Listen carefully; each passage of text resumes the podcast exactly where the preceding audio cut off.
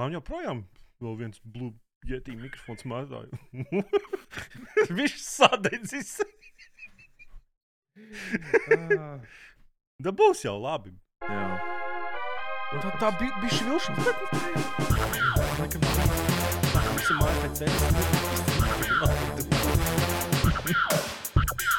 Sveicināti komunocē vēl vai podkāstā numur uh, 109. Ar jums kopā Vito un Big Guns. Uh, nē, pagaidi, kā bija. Tā viens man darbā iedeva iesauku. Nē, es aizmirsu dieva dēļ. Es gribēju tā izcelt. Edgars jāsarunā Mjasņikovs. Ah, Edgars, vo! Edgars, vo! Es Ok. vienkārši atcerējos uh, tavus vakardienas uh, sabojātos video, kas man sabojāja visu dienu, kad es ieraudzīju, ka ir Ko tāds tad? Prusaks un kas tur vēl tur kaut kas tur. Ugh, jā, jā, Viens tur, uh, jā, tas ir. viens tur bija kūs, sev pie pieres pielīmējis un kaut ko raudāja. Un tad es tā, ok. Gali, es, es, Jā. laikam es esmu tik vecs palicis, ka vispār nesaprotu. Es arī nesaprotu. Neiet, Es, kon ā, nav kontakts.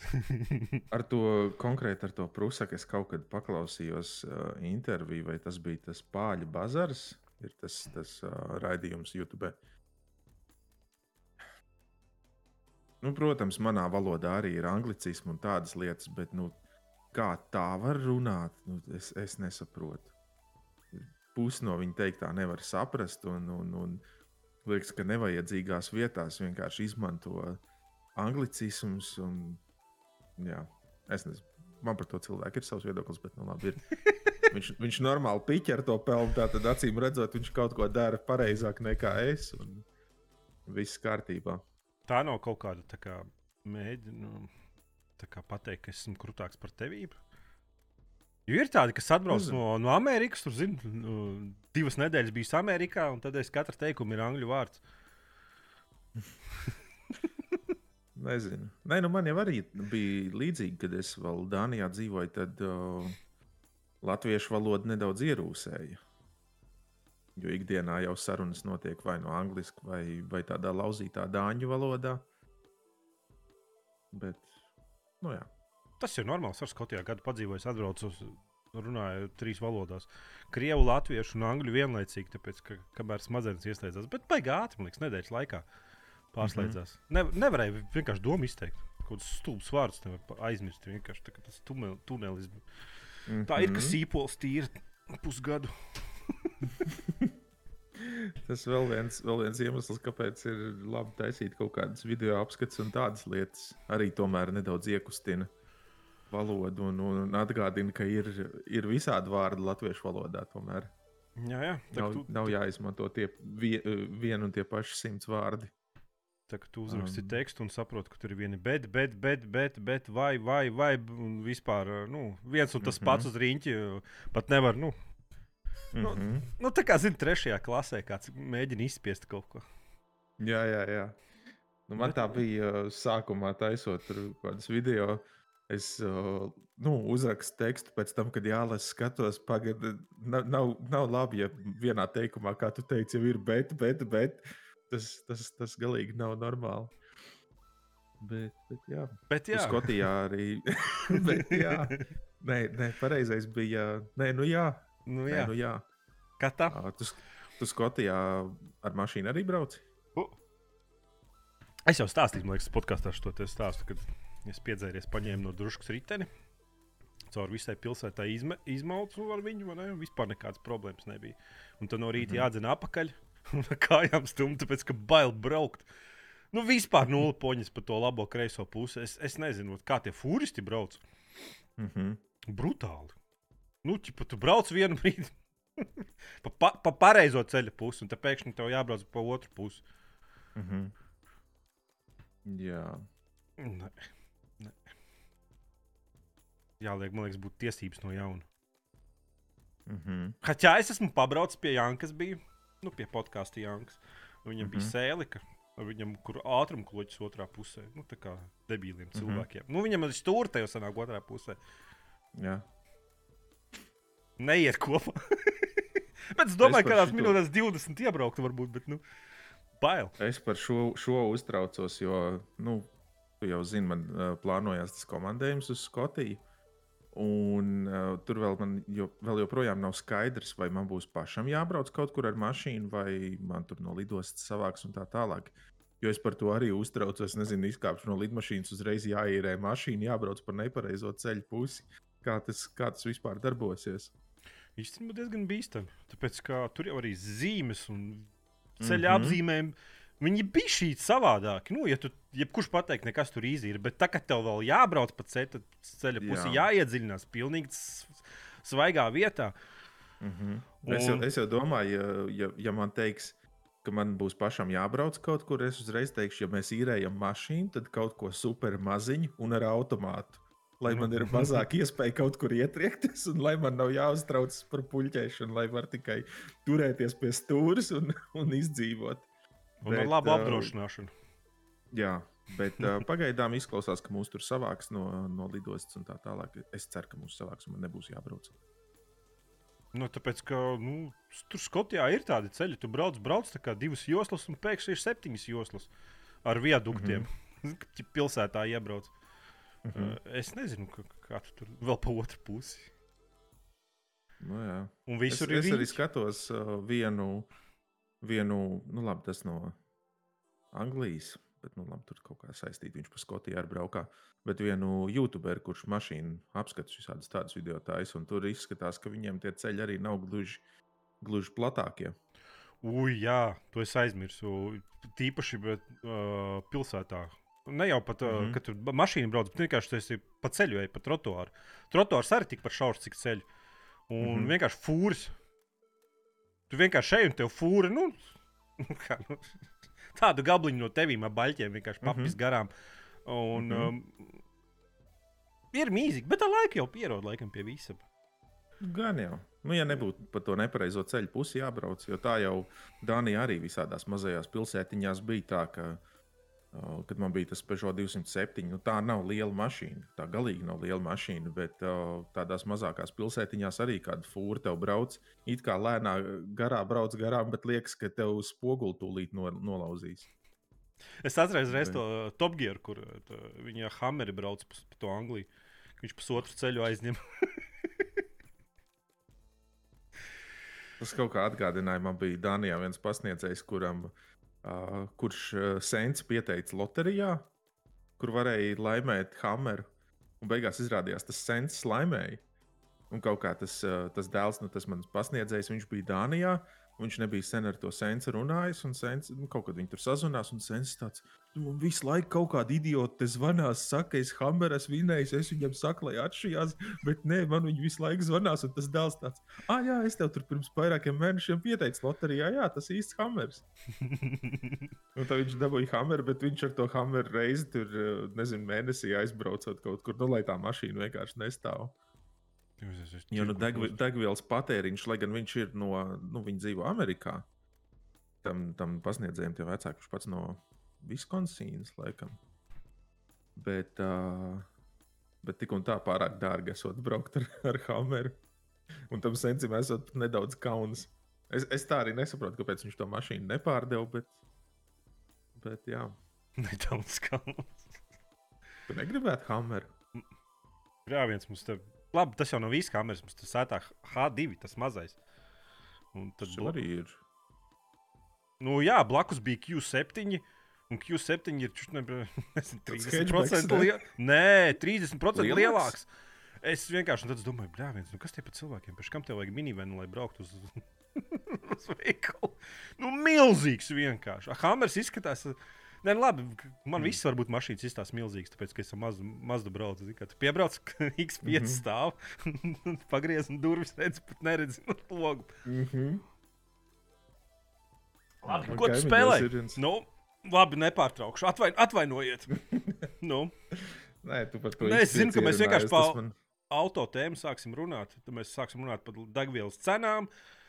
Un tad es teikšu, ka Vēl 3 cenas ir labas. litrīgs bēnbis ir vienkārši ir izšķērdība šobrīd. Bet man sagāzēts. Bļāviens, es Man jau, man jau nav benzīnieks, man ir benzīns gāze. Es, es, ko traks neesi ar, ar, ar benzīnu braukt šajos laikos. Es, kad to mašīnu nopirku, es piegāzu pilnu bāku ar, ar 98. uz- uz vietas nosirmoju. Jo pirms tam pierasts ar, ar mazu 45 litru bāciņu un dīzeli, kas, kas uz 100 kaut kādas 3,5 litru sēž. Un tad šim tikai leju un leju un leju, un, un, un bankas karta ar vien tukšāk un tukšāk. Bet labi, ko es šonadēļ spēlēju, nu labi, ne šonadēļ, bet vispār. Um, Forzu, to The Cycle Frontier, un vairs es neatceros, ko es esmu spēlējis. Jāskatās Steamā, kas man ir spēlēts. Mēs jau pusgadu. Ah, Mēs pusgadu Arcanum. mēs podkāstu rak- rakstījām, ne? mm, es nezinu, vai pusgads ir, bet, bet, bet daudz, jā. Tas stāsta visas spēles, ko tu pusgadu laikā. Es taču neatceros.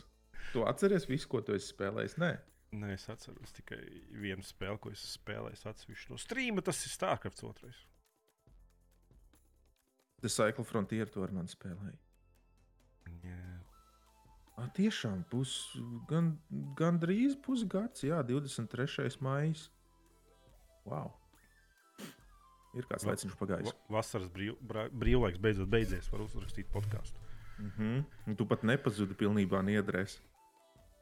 Dažreiz izlīd ārā. Vasarā Pagājušajā gadā, man liekas, nu jā, bet pagājušajā gadā pavasarī tu, man liekas, pilnībā biji nozudis. Es nezinu, ko Nebija vispār. Tu niedrēs sēdēji. Tā varētu būt. Baigi beizrāvis. Hapnika.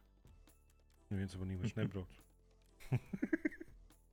Nu jā, tagad jau arī nedrīkst. Nu, labi, no rītdienas drīkstēs. Kā nedrīkst? Drīkst. Taču Divas maisiņas varēja. Ne? Vai ne? Nu, labi, kāda starpība jā, tie, no, drīkst. nu, tie noteikumi mainās tur katru, katru Jā, mēnesi. Es, es pats nesaku, man, man pilnīgi pajā, godīgi pateikšu, man jau ir Jā. apnicis jau otro, otro gadu mēs ar to Covid dzīvojam. jā, kaut kā tā sanāk. Es Vienkārši. jau Ka ar draugu paspēju pasmieties, ka kā, tagad tūlīt beidzās lockdown. Es aizbraukšu komandējumā, atbraukšu atpakaļ. Būs nākošais jau. Nu, es, Jā. es domāju, ka būs, būs kaut kas. Bet, nu, jā. Um, ko spēlēju? Cycle Frontier. Nu, jā, tu jau. To, tu jau tas mums ir zini, tāds tēmās. Ir. Tas mums ir tās aktuālās spēles, skatos. Mhm. Es vienīgi varu pateikt, ka Starcraft 2 jāspēlē. Vajag labā spēle. Bez maksas var iziet pirmo kampaņu. Kaut arī tie terāni, un viņi ir vienīgā normālā rasē zērgi. Vispārējie tur ir atmari vienkārši, nekam nederīgi. Bet Starcraft joprojām ir tāda. Vienīgi man bail online spēlēt. Pēc tam, kas īkais tādos pa pakalsi. Jā, tas uh, es pats esmu spēlējis ļoti, ļoti sen. Un, un radās tāds priekšstats, ka tā ir, tā ir stratēģija džekiem ar kārtīgu bārdu un ar rītīgu pieredzi stratēģijas spēlēs. Nu, ja online grib spēlēt. Nu, es online man- nevaru paspēlēt. Man, nu, es tipu prātā zinu, kas man jādara. Es ar rokām nevaru izdarīt. Mm -hmm. Tur nu, mēs iep, iepriekš kaut kad ar, ar Renāru un Arču spēlējām Age of Empires. Un tur es arī sapratu, ka it, it kā liekas, šūteri ir tādas aktīvākas spēles, kur tev visu laiku kaut, ka, kaut kas notiek un jādara. Bet Age of Empires es vienkārši man smadzenes nespēju tikt līdz visam tam, kas tur vienlaicīgi jādara. Eh, multitaskings. Jā, un tad jau paskatās, protams, kā, kā, kā Azijas tur tie StarCraft spēlētāji spēlē, ka vispār tur, tur nespēja saprast, kā smadzenes spēja nokontrolēt uh, ķermeni tā, ka viņi tur cik 60 vai cik reizes sekundē saklikšķina kaut ko un vienkārši skaties, kaut kas notiek spēlē. Nu, viņam ir tās kaut kādas actions per minūti, tas, bet viņam jau arī makros ir uz klaviatūrām. Tur tam nevar ticēt. Bet nu, tur ir kaut kā, jā, Mm -hmm. bri briesmīgi. Vairāk, kad skaties uz viņa ekrānu, kā viņš spēlē. Nu, kad uh, tas ekrāns vienkārši nekad nestāv uz vietas, un apmēram vienā vietā viņš ir sekundi, un viņš vienkārši kaut kur teleportējās ar kaut kādiem uh, hotkeyiem, mm -hmm. vienkārši turpina tak. Jā, Un rakstā mašīnu fonā. Tik. parasts cilvēks nevar izsekot līdzi. Nu, tas man bez jārātrī spēlē. Es zinu, kas man jādara, zinu, kas man jābildo. Nu, tipa, kā, kas order, viss, viss, nu, kādā mm Mhm. -hmm. secībā, kāpēc. Viss. Es nevaru to fiziski izdarīt. Nu jā, Pārāk vecais. Nu, iesim pie pirmās tēmas, kas mums ir. Es atvainojos, skatos pa logu ārā. Kāpēc krāsa žūst interesantāk par Outer Worlds? Viņš teica, ka negrib runāt par to tēmu. Es nezinu, es domāju, ka tu gribēsi pač, pačīkstēt par to, cik tā spēle ir slikta. Tad jau Ne jau aiziet. kāpēc, es pačīkstu, vienkārši es izsaku savu viedokli. Jā, viens tā spēle ir tik garlaicīga, es nezinu, kā. Un es sapratu, kāpēc. Zin Kā, viņiem laikam tā bija. Kas tā? Tie bija kaut kāda falauta izstrādātāji, ne? Uh -huh. Viņiem tā ir jauna kompānija. un Varētu būt, ka pirmā spēle viņi mēģināja nospēlēt tādā safe, Tā nav drošā. pirmā. Nav pirmā viņiem? Ne. Točno? Kādu viņi? Uh, Man liekas, ka tā bija Fallout studija un tipa, aizgāja uzreiz uztaisīt to. nē, uh, tajā kompānijā ir vairāki no tiem, kas oriģināli taisīja Fallout. Viņi taisīja pirmo Fallout, tad pastrādāja arī pie otrā Fallout. Tad viņi tur izklī... viņi uztaisīja Trojka Games. Tie trīs galvenie džeki. Nu, es pirms kāda laika taisīju video tieši par to. Jā, es atceros. Un, uh, un, uh, un uh, tad viņi izklīda pa pasauli, kad Trojka Games nogāja pa burbuli. Un tad Obsidian Entertainment, kas to uh, The Outer Worlds taisīja, tā ir kompānija, wow, 2003. gads laikam, kad viņi ir sākuši strādāt. Nu, tad viņiem nav attaisnojuma. Kāpēc tā spēle ir tāda? Man laba? sajūta, ka viņi, ka viņi ps, nospēlēja vienkārši droši. Nu, nekur necentās pārspēt kaut ko, bet tā, ģipa, ot mums, lai ķipa ir labi, bet ne, nekur ne labāk. Nu, tā. Ķipa, visas mm. bāzes funkcijas uztaisīt. Nezinu, vismaz man tā, es to stāstu vienkārši. Es centos, man liekas, trīs stundas nospēlēt. Es ar nepacietību viņu īstenībā gaidīju to spēli. Tāpēc, ka, nu, kaut kas Fallout fanāts. Mm. -hmm. es, es pat ceturto Fallout spēlēju lielāko prieku. Mm -hmm. Kaut arī nu, visi zina. Another settlement need your attention, vai kas tur bija, kāds 5 minūtes, Jā, tur skrēja klāt. jā. Uh, un tad šis, nu, vispār, nu, nekādīgi tas stāsts un, un tās izvēles. Tur, tur ka, kat, es sapratu, ka katrā, katrā planētā nolaidies, un galā tev ir divas izvēles. vai ne? Типа, пойдешь по, направо, пизды получишь, пойдешь налево. Kaut kā tur bija. Nu, Es tik labi neatceros. Nu, Man tā tur bija, spēle ķipa, atkal pašā ir sākumā. uzinstalēta, bet, Ieslēgt um, elektrību tur kaut kādiem biznesmeņiem vai tie, kas audzē salātus. Tur pirmajās, man liekas, kaut kas tam līdzīgs bija. Ā, kaut kas tāds bija, jā, tu izvēlējies, ja atbalstīt tos lie lielos industriālistus vai kaut kādus mazos. A, es gribēju abus zaļos un divus zemniekus. pasūtīt. ā, Es gribētu abus divus pasūtīt. ā, Savu elektrību sev paņemt kaut kādu. ja. Un tad mm. -hmm. visur tu te, un tur ir divas izvēles. Ķipa, nu, ķipa. Hmm. Es tik labi vairs to spēli neatceros. Es, A, kā Es tu, zini, ka zinu, tev ka viņa man patika? es zinu, ka man viņa patika, bet es neatceros tādas patika? detaļas. Likās tāds Par ko spēles likās stāsts ir? Nu, var labi nepabeigt. Es vienkārši- Kaut kāds, kaut kāds tur džekiņš uh, gribēja atklāt patiesību par, par kaut kādas tur kompānijas tur noziegumiem vai kaut kas tamlīdzīgs bija. Viņš kaut kāds tur noslēpums bija nospēris, un tāpēc viņi tur visu medīja. Kaut, kas tāds, kaut kāds trakais profesors vai kas viņš bija. Es neatceros, tas bija tik sen. Es to spēli spēlēju uzreiz pēc, pēc iznākšanas, un tas jau bija pirms, es nezinu, cik gadiem. No, un pirms tas- kādiem diviem, bet. Tā spēle neatceros. knapi vilkās. Es nezinu, kā tagad ir, bet tad viņi knapi vilkās. Man patika. Bet nu, es, es esmu tāds cilvēks, kam patīk tās miljonas kastes atvērt, savākt tur 30 uh, veidu metāla lūžiņus un viņas nest pa visu pasauli apkārt, kaut kur pārdot, lai es varu vākt atkal tur visādus, visādus mēslus no kastītēm. Runājot Man patīk, man kastēm. patīk tas. Uh, mm?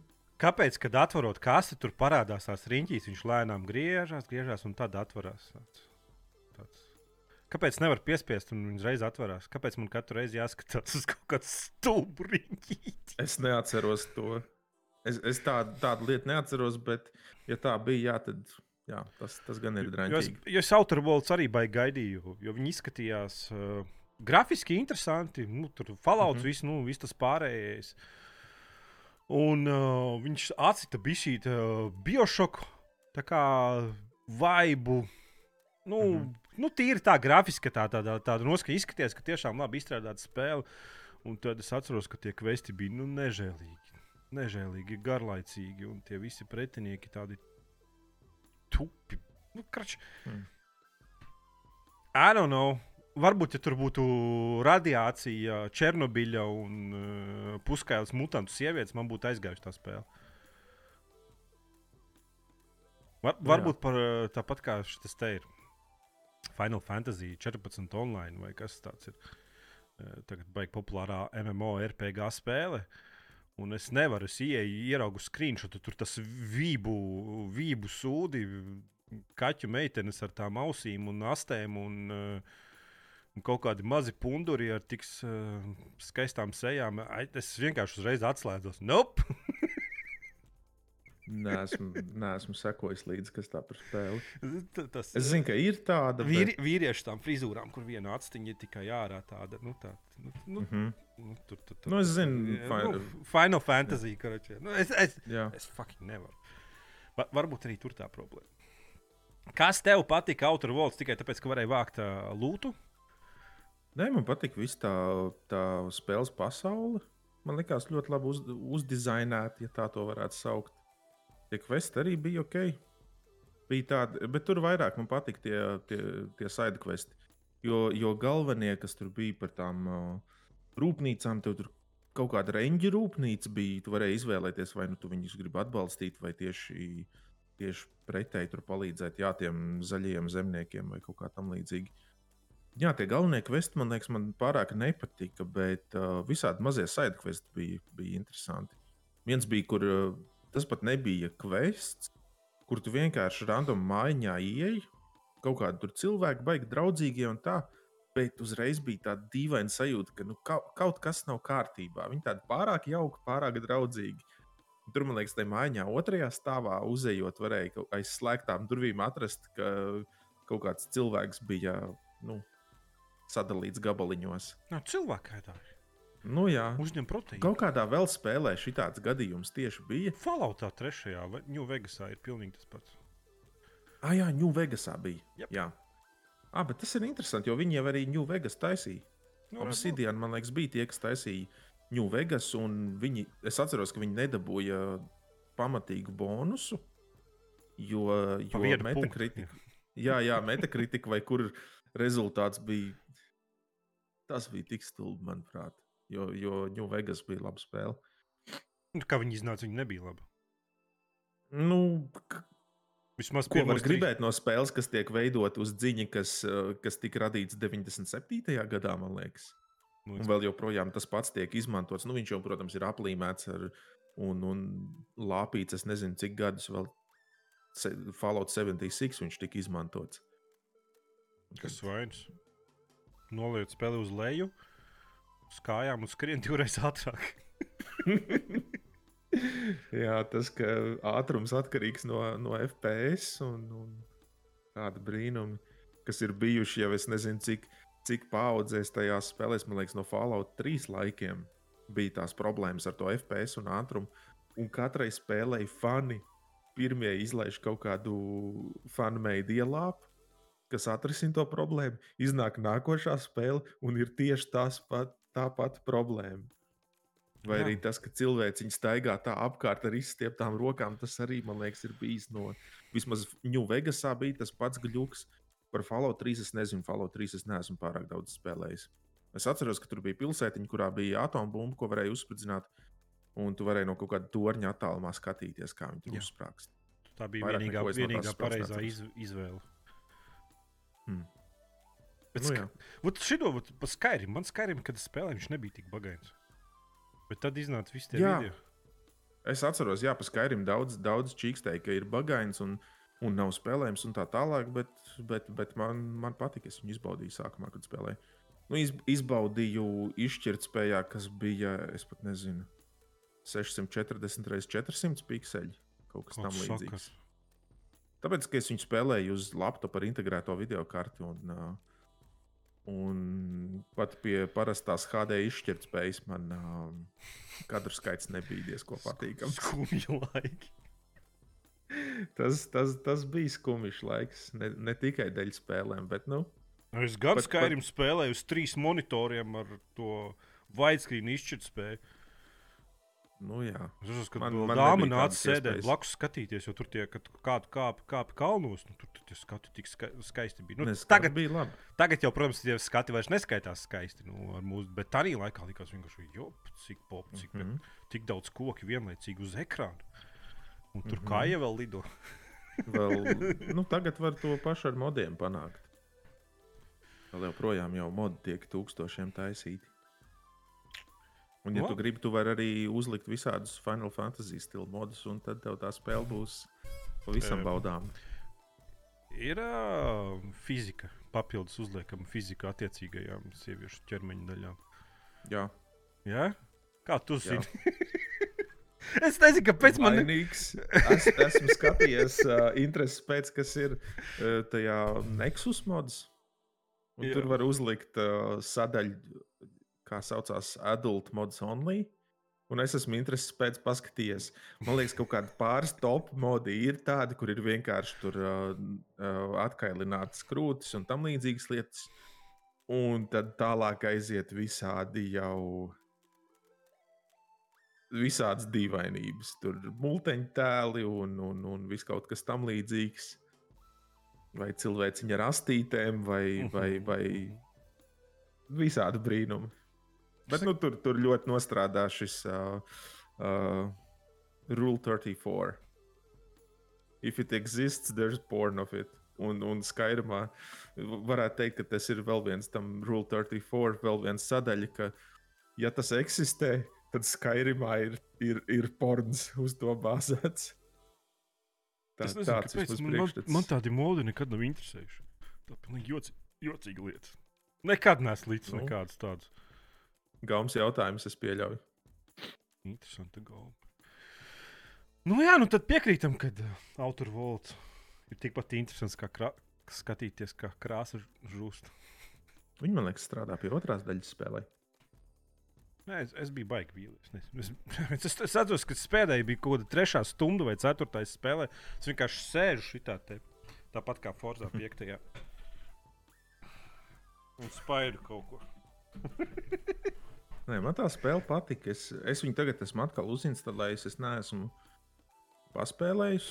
Es gribu daļēji pamēģināt, kā viņi ies uz šī datora, jo es viņu pirmajā reizē spēlēju uz savu portatīvā datoru, kam, protams, veiktspēja mazāk un tā. Bet, bet cik es atceros, man patika tā spēle. Un galvenā vilšanās bija tajā, ka viņi šķita nepabeigta. Nu, tas stāsts likās, ka tā pēkšņi apraujās. Tāpēc, Līdzīgi kā Deus Ex Mankind Divided bija tā pati problēma. Šķitās, šķit, ka es esmu izgājis kaut kādu pirmo to nodaļu stāstam, un pēkšņi parādās, o, jā, tu esi pabeidzis spēli, un tā, un viss, viss beidzās, un sēdi un domā, what the fuck? Kāpēc, kāpēc tā vienkārši beidzās? Kur, kur ir pārējais stāsts? Jā, bet man tagad gribās aiziet un pamēģināt. Vēlreiz. Outer Worlds? Jā, var, varbūt es kaut Nu, Es teiktu, varbūt pamēģinu. Bet, bet ne tāpēc, ka man tā spēle patika, bet. uh, Fireskeltam. Tā Tāpēc. Fireskeltam arī patika. Jā. Ah, nu, ne, es vairāk domāju par to, ka man vismaz personīgi mēdz būt tā, ka tas ir atkarīgs arī no, nezinu, no gara stāvokļa. Jo tas pats bija ar to The Cycle Frontier. Pirmajā reizē es viņu atvēru, paspēlēju un likās, nu, kas tas par sūdu. Izgulējos, nākošajā di- dienā izdomāju, Ai, nav ko darīt, jāpamēģina vēlreiz tā spēle, un pēkšņi aizgāja. Es nezinu, varbūt tas pats ar Outer Worlds. Tāpat arī citreiz ir, ka tu spēles eh, kaut kādas esi spēlējis, tev viņas ļoti patikušas, un tu pēc gada vai diviem uzspēlē, un, un, un izrādās nav interesanti. Vai arī atver GTA San Andreas pēc desmit gadiem, un tu saproti, ka tā spēle ir mēsls. nu, vismaz tehniskā ziņā nu, viņi ir briesmīgi. Un tad tu paskaties, ka, ka ir tā triloģija izlaista. Bet labi, par to mēs tālāk runāsim. Jā. Tas ir pie citām tēmām. Cycle Frontier. Debesšķīga viduvēja spēle. Jā, Vienīgais iemesls, kāpēc viņi spēlēja, tāpēc, ka viņi varēja spēlēt ar tevi. Es viens pats viņu nekad Jā. mūžā nespēlētu. jā solo, solo viņa man bija interesanti, bet noteikti kopā ar kādu, kādu draugu.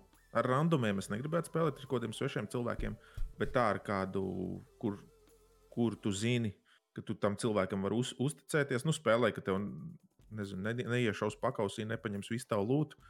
Tad ir uh, daudz patīkamāk, bet jā, es piekritīšu, ka viņš šobrīd tajā slēgtās betas testā bija ļoti viduvēja. Un es tajā spēlē redzu baigo potenciālu, bet tajā pat laikā tur ir potenciāls arī sačakarēt, uztaisīt uh, pay to win un, un, un un tādu spēli, kur tiek izdota, un pēc trīs mēnešiem viņi spēlē 12 džeku Vietnamā. Nevienam citam viņa nepatīk. Vienkārši varbūt kāds nezina, kas ir Cycle de Frontier. Tas ir uh, Tarkovs priekš plebiem uh, un iesācējiem. Principā ir Hubvolts, no kura tu aizlido ar kosmosa kuģīti uz salu, savāc piecus akmeņus priekš sava kvesta un lido atpakaļ. Nu, protams, pa ceļam tu vari nomirt, un tad tu neko neatved, un tad tev viss jādara no sākuma. Un, principā, tas arī viss gameplays vienkārši uz Haboldu, uz salu, Haboldu, uz salu, Haboldu, uz salu. Nu, jā. un pildi kvēstus. Nu, Feču kā simulators. Trīs, jā, pašā ir kādas, cik tur bija, pieci vai seši dažādi pretinieki.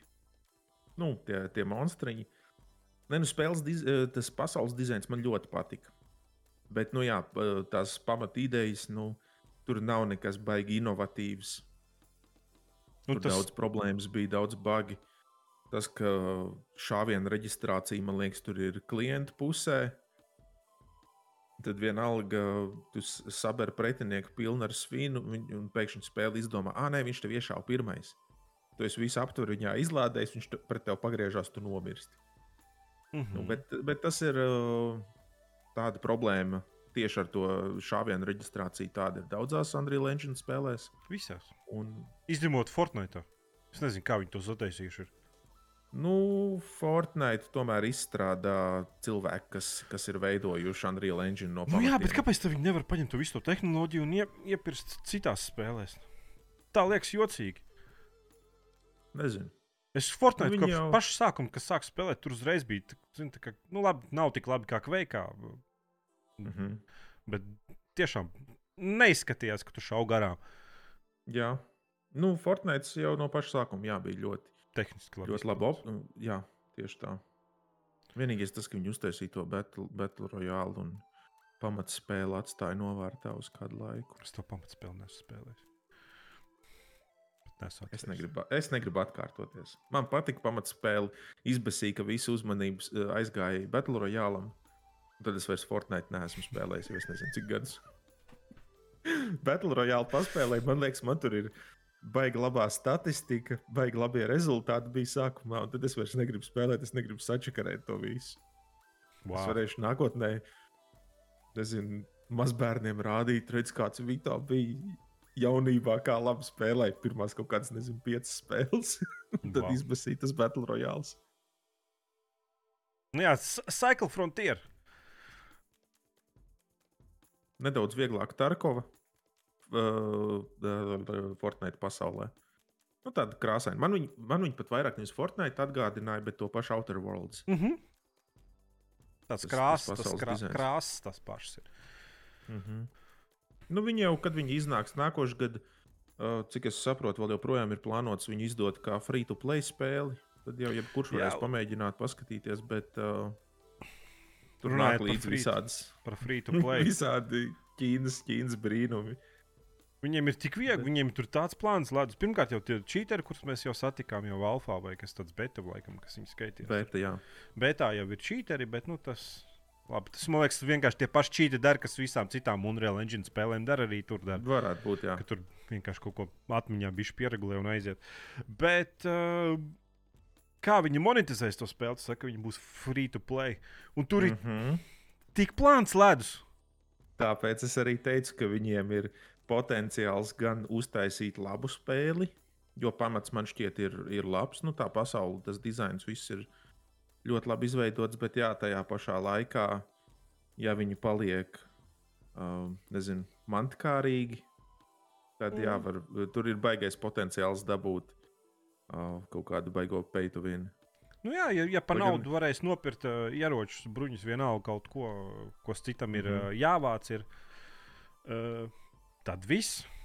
Nu, ķipā, Alt F4 un install uh, Windows remove Nu š- Linux uz Nu, šobrīd, cik es saprotu, tur plāns ir tikai vizuālas lietas. Tur jau tagad spēlē bija, ka tu katru dienu ielogojoties, tu dabū kaut kādu jaunu jaciņu un tā tālāk. Un, ja tu 14 dienas ielogojies, tad tu dabū kaut kādu mantiņu, kas tev arī pēc tam spēlē būs, nu, kad tā spēle tiks izdota. Bet, uh, jā, nu, to, to nevar pareģot. Ir jau bijušas citas spēles, kur liekas, sākumā, o, jā, viss būs forši, un tad aiziet uh, ritīgā mantkārība. Tas pats, kas arī tajā Fallout 76 sākumā tika solīts, ka nebūs nekādas uh, uh, pay-to-win lietas, un tad viņi tur ielika kaut kādu repair kit, ka tu par maksu varēji salabot savus mantiņus un tā tālāk. Un... Nu, jā, Nu, nu, kā, nu, tieši nevarēs ieroci nopirkt. Bet varēs nopirkt naudu, un par to naudu varēs nopirkt ieroci. Jā, jā, jā. Vai arī noteikti būs kaut kāds. Uh, par to īpašo naudu varēs pātrināt visus tos krāpšanas procesus. Ja tur tev nebūs jāgaida stundu, lai savu mugursomu uztaisītu, tu varēsi vienkārši pataist, pataisno izlaist. Jā. Tas, ka tas spēlē, tas uh, jauniem spēlētājiem sākums ir nežēlīgs. Jā, Tur tur ir, ir tie, kas ieročus nes- tie, kas vajadzētu nezin, bišķīt jā. Ieroči un soma. Tur līdzi jāņem ir soma. Un Soma ir, nu, cik daudz tu mantiņas varēsi paņemt līdzi. Un tā soma, ko tev pašā sākumā iedod, tu tur vari ielikt, ā, cik tev vajag aptieciņas lodes, lai vienkārši pašaudītos bišķīt un sešus Mhm. akmeņus. Mhm. Un varbūt pussēni. Un viss, un tev ir, tev ir pilna soma, un tev jābr, jā, jābrien ir ārā. Un tu izpildi to vienu kvestu, un tu pasties. Es šo mazo vienu kvestu pa sešiem akmeņiem, man vispār neko neiedeva, un es vispār neprogresēju. Jā, sākums ir. It sevišķi tāpēc, e, vēl tas, ka tajā spēlē ļoti daudz ir tādu spēlētāju, kas vienkārši uzreiz šauj, un tikai pēc tam skatās, ka tev īstenībā nav nekas, ko atņemt. Un tad, e, protams, bija arī, kad es spēlēju, bija tādi spēlētāji, kas uzreiz e, tādā ziņā labi, ka tur ir tas voice chats, ka tu vari sev, cik tur kaut kāda 30 vai 50 metru radiusā cilvēkiem kaut ko skaļi pateikt pa mikrofonu. Un, uh, bija daudz spēlētāju, kas teica, nu, tu vari mani nošaut, bet man nekā nav, man ir tikai nazis. Tad bija tāda tā, tā dīvaini, kā mēs, kam kvestā, kvests ir, kur jānošauj pretinieki, bet mēs vienkārši visiem ļaujam dzīvot un, un skriet savā Tāpēc- nodabā. Tāpēc, ka žēl, nu, tu reāli, nu, tu reāli zini, tas čels tur spēlē jau 15 minūtes, tu viņu nošausi, tu pat viņu somu neatvērsi, aizies vienkārši garām. Jā, vai arī atvērst, tu paskatīsies, tur ir lodes, kuras tev tāpat nevajag. Jā. Akmeņi, kur tev jau ir 50 savākti. Un, un, un... Jā, Nu, jā, bet tā kā tam spēlētājam viņš reāli 15 minūtes ir pakāpis, neko nav, neko nav iegūmis. Un, mhm. nu, un arī vēl kas ir tāds, tāds jocīgs, tas ieroču balans. Bet labi, tā ir beta, to gan mēs varam uh, pievērt acis. Uh, Nu, jā, tur, ir, tur ir daudz lietas, kuras viņiem būtu jāizlabo. Es biju tajā, es vēl joprojām esmu tās spēles Discordā, un tur tiešām radās tāds iespējas, ka spēles veidotājus interesē tas, ko cilvēks saka. Viņi arī komunicē, tur, ja cilvēki ie- ieraksta kaut kādus ieteikumus, tad uzreiz jau mēdz būt atbildes, tur, jā, šis jau pat ir ieplānots, vai, vai arī mēs noteikti apsvērsim, jo šobrīd eh, mēs nevaram saprast, vai, vai tas iedarēsies spēles balansā vai nē. Nu, katrā ziņā radās priekšstats, ka ir tāda laba komunikācija. Bet, protams, šobrīd var vienkārši cerēt, ka viss būs labi, un, ja nebūs labi, tajā pat laikā nu, ir arī citas spēles, ko spēlēt. Nē, Lai bet, gan, kad tev ir tūkstotis spēles stīmā, tāpat nav ko spēlēt. bet ka tā kā spēle iznāks pilnā relīzē, ja, ja tur tiešām nebūs pay to win, nebūs kaut kāds nu, pilnīgākais disbalans, uh, tad es uzskatu, ka kooperatīva tur četrtā čotka ir paspēlēt. Jā, ar draugiem noteikti ir. Vienam- vienam jā. pašam tur. Tā, tā, tā Nu, jābūt baigam uh, lūterim. Nu, tev jau patīk uh, mantiņas vākt un nest un XP. Pro Nu, jā, es, es, progress, es progress bāra cilvēks. Jā. Progresa pāri un vēl tas, ka man nav nekas pretī to spēli spēlēt, kā es sākumā viens pats spēlēju, kad man bija tie sākuma ieroči, kur ir tā kā bumbiņu pistole un tev pretī nāk džeks ar normālu rudzu bīsi. Tad uh, man nav nekas pretī tur tās 15 minūtes pavadīt klusām, ložņājot pa krūmiem, lai man neviens nepamanā, vai arī ja kāds pamanā, tad, tad vienkārši mukt prom. Man nav nekas pret, pret tādām lietām, bet es domāju, daudziem citiem, kas, kas grib vienkārši iet pašaudīties, jā, tas sākums ir drāmīgs. It sevišķi dēļ tiem ieročiem. Nu, Nu tā kā tev spēles sākumā, jā, viņi iedod ieročus, bet tu, tu reāli pēc, pēc pāris reizēm, kad tu esi nokritis uz tās planētas un nošauts, tu saproti, ka tie ieroči ir pilnībā bezjēdzīgi. un Tāpēc arī daudz spēlētāji tur skrēja vienkārši ar nazu un mugursomu, cerībā, ka viņu dzīve tiks ārā ar pāris tiem akmeņiem un kaut, kād, kaut kādām trīs sēnēm. Bet baigā atšķirības ar tiem ieročiem. Nu, tāda nu, brutāla vienkārši. Tā, nu, jā, tu tad- man atnesi tos labākos ieročus, kas tur laikam tajā brīdī bija uz spēlēs, un nezinu, kas tur būs pēc tam. jā. Tu pat vairs Es paskat- nesatraucies, tu tupi skrien virsū un vienkārši šauj nost. Nu, tu, Jā, tev pat tas- nav tas- jācenšas. ka- Tas, ka tu zini, ka vienalga kādas pretiniekam ir bruņas, nu vienīgais, ja viņam ir tāds pats ierocis kā tev, Mhm. tad, tad ir sūdi. Bet, uh, ja viņam nav tas, tas pats automāts, tad, tad tu vienkārši zini, vienalga kādas viņam bruņas, vienalga cik viņš ir labs spēlētājs, tu pret viņu pagriezies. Vienkārši paskaties uz viņu noklikšķinu, viņš ir miris. Jā. Vai arī abi divi nolicis no klīnas fulgīrā. Mhm. Tas arī bija. Vai arī, vai arī tu satiec la- divus latviešus, viens no viņiem saka, nē, mēs tev nešausim, otrs izšauj, un pēc tam bļauj, nē, nešauj. mūku prom. Nītkuņā. Nu, redzēs, kā to, to spēle būs. Bet, nu, kooperatīvi ir itī interesanti, man liekas, tādā. Viens pats viņu taču nespēlēt. Jā, noteikti, ja, kad viņi iznāks, tad labāk arī sākumā izmēģināt kopā ar kaut kādiem draugiem. Mazāk cerība, ka tu uzreiz vilsies spēlē. Man liekas, arī divu tā kvestus ātrāk var izpildīt. Man liekas, pat pašā sākumā. Jā, Jo tīri, Jā. tīri tu barā nemirsi. Tik Jā. Daudz, uh, un varēs barā tā kā šakāļiem uzmest samesties uz kādam vienam, kas mm -hmm. nazis skrien un tā kā urļi varēs pa vairākiem vienu. Jā, jā. Jā. Tā, kas mums tur tālāk tēmās ir Forza Horizon 5. Es jau viņu noinstalēju. Bet Bet vai ir vērts pirkt viņu? Pirkt, uh, man liekas, mūsdienās Microsoft spēles pirkt ir vaiprāts. Hmm. Tāpēc, ka ir tāds kā Xbox spēks pa vienu eiro. vai pat Bet cik tas jau tikai sākumā. Tas jau tikai sākumā. Tā tāpat tās 9 eiro samaksā un spēlē tālāk. Bet um, 60, Nu labi, padomā, katram. 60 eiro, cik nē, 60 zinu. eiro. Jā. Nu, tas ir Jā. pusgads. jā, Vai nu tu bet- nopērci vienu spēli, vai tu pusgadu spēlē visas spēles. Bet tas arī man. Es nopirku iepriekšējo Horizon. Dānijā dzīvoju, tas nopirku. Un šobrīd es domāju, ka es nopirkšu arī šo. Man tagad ir tas Xbox uh, Game Pass, Mhm. kas man iepriekš nebija bijis. Tādēļ man ir tagad tie trīs mēneši par tur kapekām. Lai gan Xbox, uh, tas uh, Microsoft vēl joprojām domā, ka es ķipā esmu Dānijā un es maksāju Dāņu kronās, un tas beigās man izmaksāja tur eiro 40.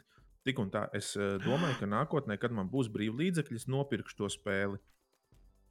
Jo uh, uh, tas ir balstoties uz manu pieredzi ar, ar uh, 4. Forza Horizon. Jo es to spēli spēlēju tā, ka es tur mēnesi paspēlēju, vai kādas nedēļas pāris, un tad es to spēli nolieku malā uz kādu laiku, un tad atkal paspēlēju. Un uh, ilgtermiņā man, tā kā man īsti cits, es nemaz nezinu, kas, uh, kādas citas spēles tajā Xbox Game Passā ir. Man tas īsti neuz, neinteresē. Es šaubos, ka tur kaut kas tāds, ko es tiešām spēlēšu. Un uh, ilgtermiņā man sanāk izdevīgāk to spēli nopirkt. Jo es noteikti, šobrīd, uh, ņemot vērā to, kāda man pieredze bija ar iepriekšējo spēli, es domāju, ka es no tās spēles iegūšu vairāk nekā sešus mēnešus uh, spēlēšanas laika, kas man patiks. Tādēļ uh, es domāju, tas būtu riskanti, ja es nebūtu spēlējis iepriekšējo Forza Horizon. Bet tā kā es esmu spēlējis to, es uh, par laimi nezinu, cik stundas es tajā spēlē esmu pavadījis. Ā, Xboxā nerādīja tādā aplikācijā. Man šķiet, ka nē, es kaut kad iepriekš skatījos, un nekur es neatradu tādu informāciju. Varbūt pašā spēlē, bet es taču tagad neinstalēšu 100 vai cik tur gigabaitu lielu spēli, lai paskatītos, cik stundas es esmu iztērējis. Bet uh, es esmu pārliecināts, ka es noteikti dabūju vairāk ne, nekā tur sešus mēnešus uh, spēlēšanas. Jo man patīk tas Horizons, uh, tā visas tās spēles pieredze, ka tu vari vienkārši jebkurā brīdī atvērt un tāpat pabraukāt. Pilnīgi vienalga. Vai nu pabraukā pa spēles pasauli, vai kaut kādas sacīkstas papildu, kaut kādas punktiņas pavāc, mēģina tur savu čomu rekordus pārspēt, kaut ko tādu, nu tādu bez, bez baigiem ierobežojumiem. protams, tagad no jauna spēlējot piekto Horizon, tur ir tik daudz tie, nezinu, stāsta misijas vai uzdevumi. Tu vai teikt, cringe. Jā, Ai- Aizveries, ļauj man braukt misijas. tieši tā. Es, tie, kas skatās man streamus, jau gan jau viņiem ir apnicis, ka es centās reizes bļaustos uz spēli, ka vienkārši iedodiet man skip pogu, ļaujiet man izlaist visus tos, tos cutscenes. Nu, labi, es vismaz nezinu, ar mokām izbraukšu tās obligātās sacīkstes, kur tu līdz pēdējai milisekundei nesaproti, vai tu uzvarēsi vai nē. Kaut vienu esmu no liek- viņiem zaudējis.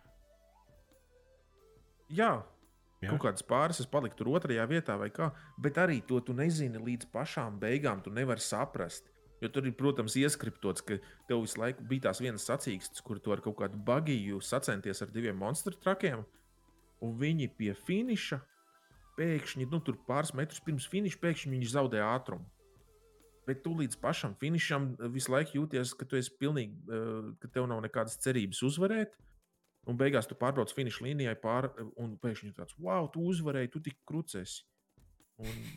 Tas, tas, man tas liekas ļoti kaitinoši. un Es, es nezinu, kā to varētu būt varējuši labāk izdarīt.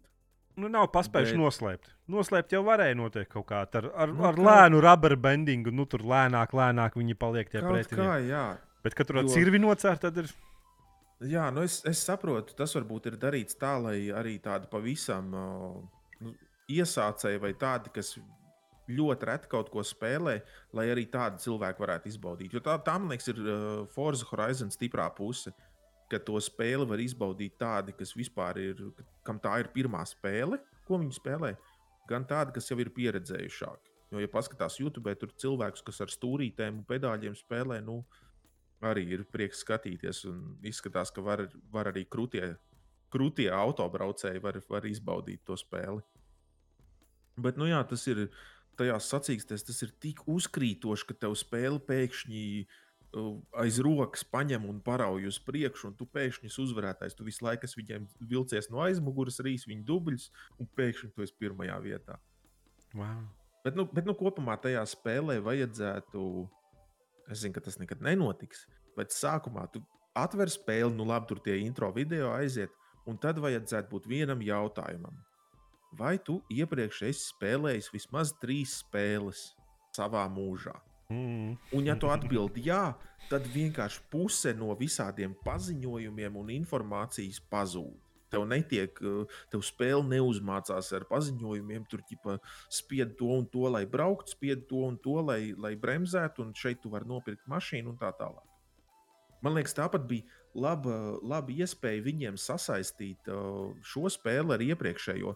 Jo sākumā, ja nemaldos, tika paziņots, ka spēlētajā stāstā tika pieteikts tas spēlētāja personāžs, tika teikts, ka viņš ir atbraucis tur no Anglijas un tā tālāk.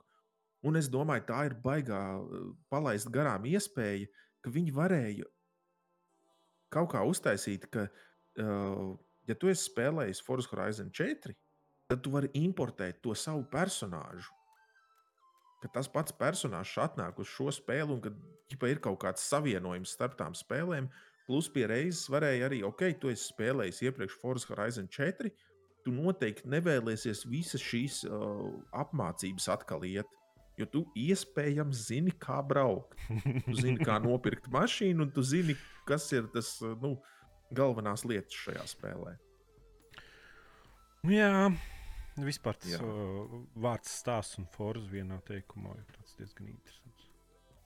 Jā. Bet tev patīk spēle, cik es saprotu. Jā. Uh, pozitīvās lietas šobrīd tajā spēlē vēl joprojām uh, atsver negatīvās. Es domāju, ka es uh, ar sakostiem zobiem tikšu cauri visām tām obligātajām sacīkstēm. Un tad paliks pāri tas, kas man tik ļoti patika iepriekšējā Forza Horizon, ka var vienkārši braukt. Un labi, tur katru nedēļu ir jauna tā sezona, sākās ar citiem laikapstākļiem. Viss tas man liekas, ir ļoti forši. Un tu vari, nezinu, vienu vai divus vakarus nedēļā ieiet tajā Forza Horizon, izpildīt kaut kādus nedēļas, tur tos tās sacīkstes, izbraukt, dabūt kādu speciālo mašīnu vai kaut ko tādu. Un tad ir uzreiz arī tāda nezinu, vēlme atgriezties tajā spēlē, vēlme nedaudz uzspēlēt viņu. Pāris reizes nedēļā, tur vakarā uz kādu stundu vai kā. Bet tajā pat laikā nav arī tāda sajūta, ka, o, es šonadēļ neuzspēlēšu, un es baigi kaut ko zaudēšu. Nu, tās ir lietas, kas man, man patīk tajā spēlē. Bet, nu, jā, lai, lai līdz tam tiktu, vispirms ir jātiek caur tam stulbajam stāstam. Nu, labi, es, es reiz pateikšu, man liekas, ka spēle ir laba.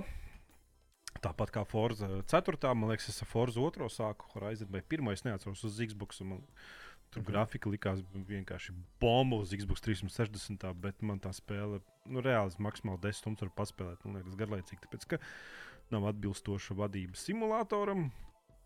Mm. Un tas arī nav nu, simulators, jā. bet es vienkārši esmu jā. rūtīts vecis, kas ir pavadījis Seto Korsā nezinu, cik jā. tur tās stundas. Esmu spēlējis uh, Forza Motorsport 7, kas ir ļoti labs simulators. Ar tur simtiem stundas ir pavadīts. Uh, mm -hmm. Rally 2 arī, kas ir foršs simulators, un man ir bijusi stūra. Man pat es sēžu šobrīd uzmetinātā sūdā, kas bija paredzēts, lai man būtu auto braukšanas kā, simulātora kokpits ar visiem trim monitoriem. Tur stūrīt, viss, bet, diemžēl, naudas nav, lai nopirktu normālu stūri. Tāpēc, ka Logitech pēc, ar, pēc kaut kādiem mentām simt stundām palika Logitech pa īsu un sapratu, ka nu, tikpat labi es varu ar kontrolieri mm -hmm. spēlēt. Un tad, jā, nu tad vienkārši Forza Horizon liekas ļoti, ļoti garlaicīga, jo uztaisīja savu mašīnu, tur mazliet uztaisīja, pieregulēja hadanīti, viss ideāli vadījās.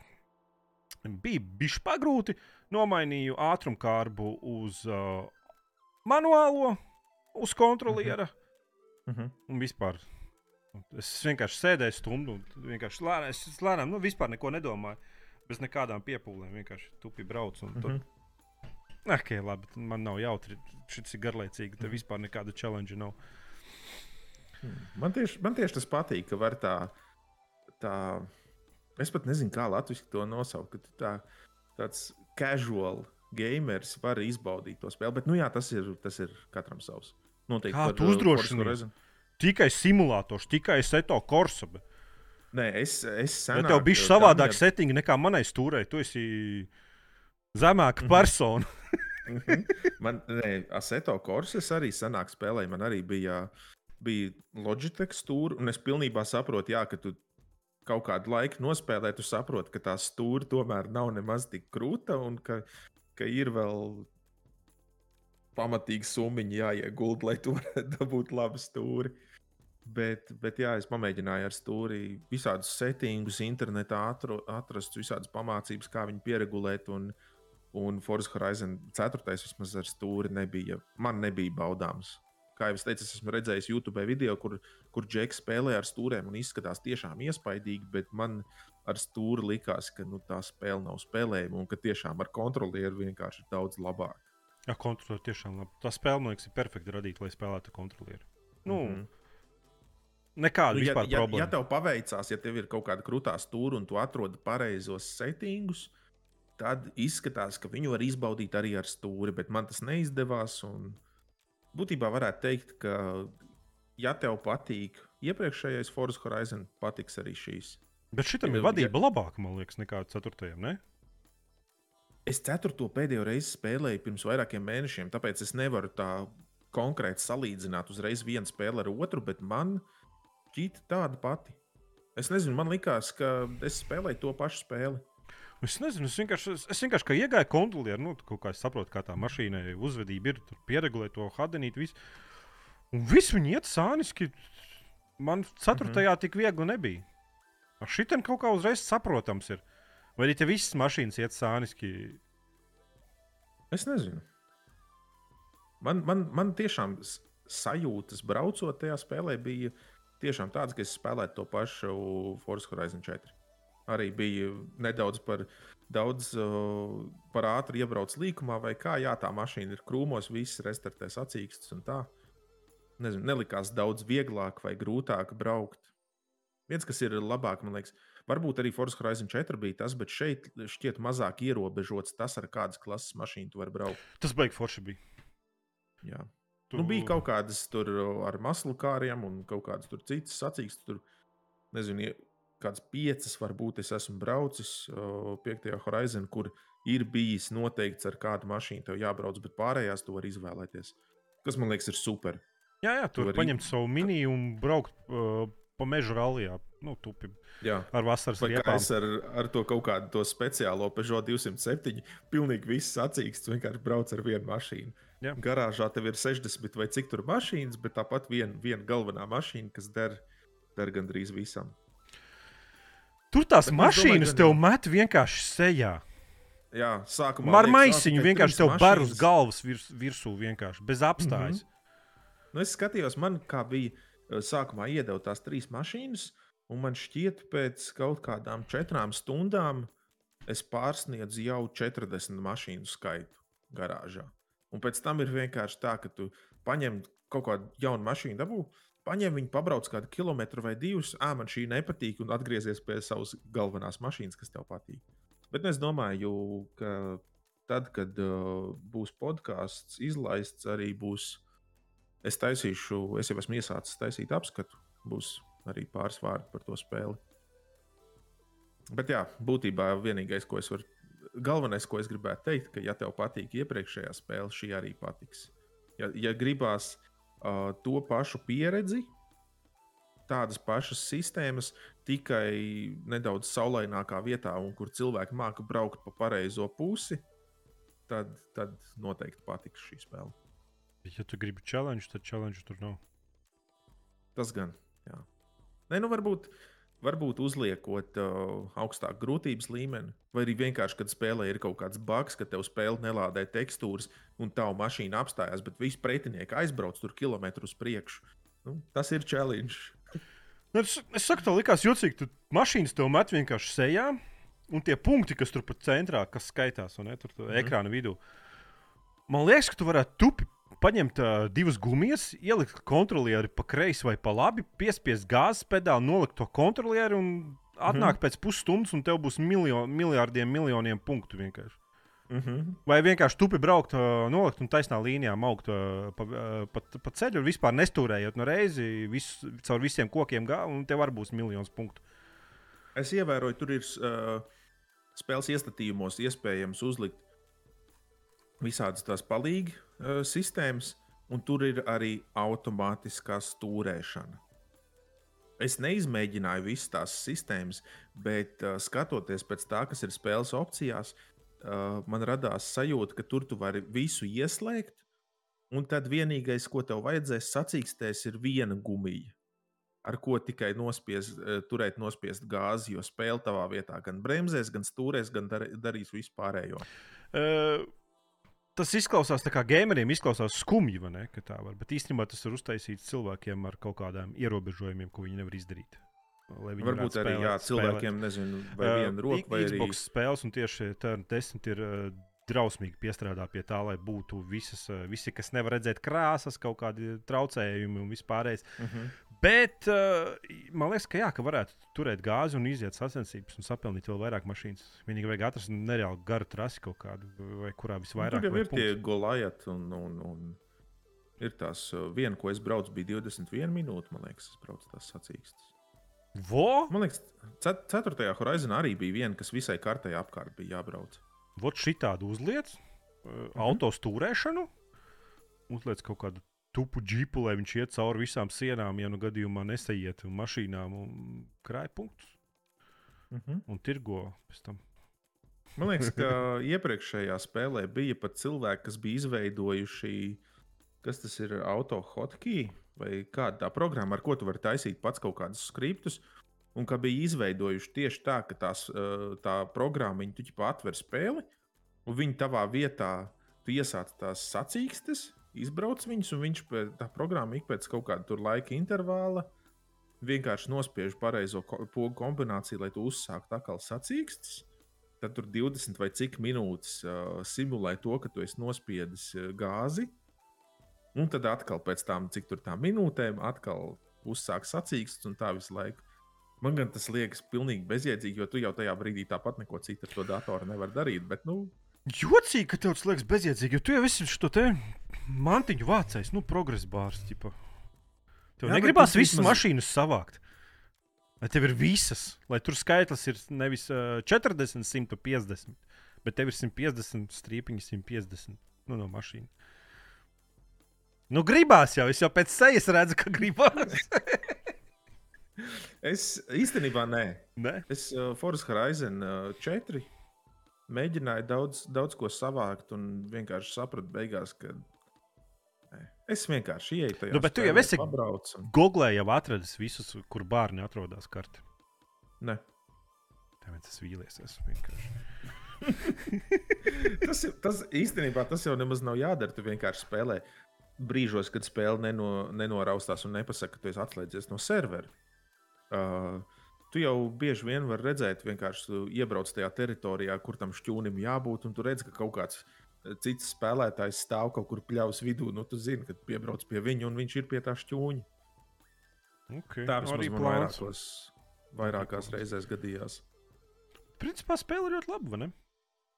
Jā, man patīk, es spēlēšu. Daudziem patīk. Tev nē, tu izdzēsi. Man besīk, ka citiem patīk un ka man nepatīk. Kā, nē, kā tur bija? Nē, tev Stop besī, having fun vai stūra. kaut kas tam līdzīgs. Tev besīk, ka tev nav labs stūri.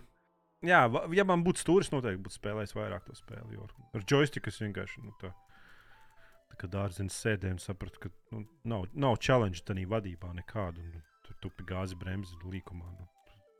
Mm -hmm. Man bija, varbūt man bija visa atslēgas. Es skatījos, ka tu spēlēji tā kā plebs ar to līniju kaut kādu uz ceļa vidu. Bremzēšanas, jā. Jā, man bija visa atslēgas. Tur ABS, pretbuksēšanas, visu, ko var vienkārši izrubīt. Un, un Mm -hmm. sākumā Man liekas, vispār. man, Es ieslēdzu to spēli, sāku protams, what the fuck, kas par Need for Speed, un tad atcerējos, jā, ka vajadzēja visu izslēgt. Un to jau bija kopīgi sākumā viņš tur automātiskā kaut kāda bremzēšana pēc noklusējuma ir ie- ieslēgta un stūrēšanas, man liekas, kaut kāds palīgs. Nu, es arī sākumā uzreiz jau opcijās izslēdzu. Pirmais, ko es izslēdzu, bija motion blur. Tā, tā, tā, tā ir lieta, ko es. Uz Xbox nevar izslēgt, ja kas. Ja tu spēlē uz Xbox, tu nevari izslēgt motion blur. Cik labi, ka es neplānoju pirkt nevienu konsoli. Nu vienkārši tā klusuma brīdi visiem Xbox spēlētājiem, kas spēlēs to spēli uz Xbox. Viņiem būs. Bļā, viens. Katrā spēlē, es nezinu, kurš spēlē ar motion blur. Bļā, viens štai spēlē no motion blurs. Bet viņi tup, tup, Nē, not, noteikti būs kāds, kas teiks, jā, motion blur man patīk. Es esmu arī ar vairākiem spēlētājiem par, par uh, tādiem specifiktiem runājis. un Ir daudz teikuši, jā, tas tur dod kaut kādu realismu, vai nu, karač, iemesli ir dažādi. Man, man motion blur, uh, depth of field un mm. -hmm. kaut kādas vēl tur lietas ir, kuras es, uh, jebkuru spēli atverot, pirmais ir uz opcijām un atslēgt tās lietas. Ja tādas es redzu, vienkārši visu izslēgt. Jo okay, tā, tādi efekti, tādi specifikti var būt spēlēs. Jā, man nav nekas pretī, lai viņi ir spēlēs, bet nevajag viņus ieslēgt sākumā jau.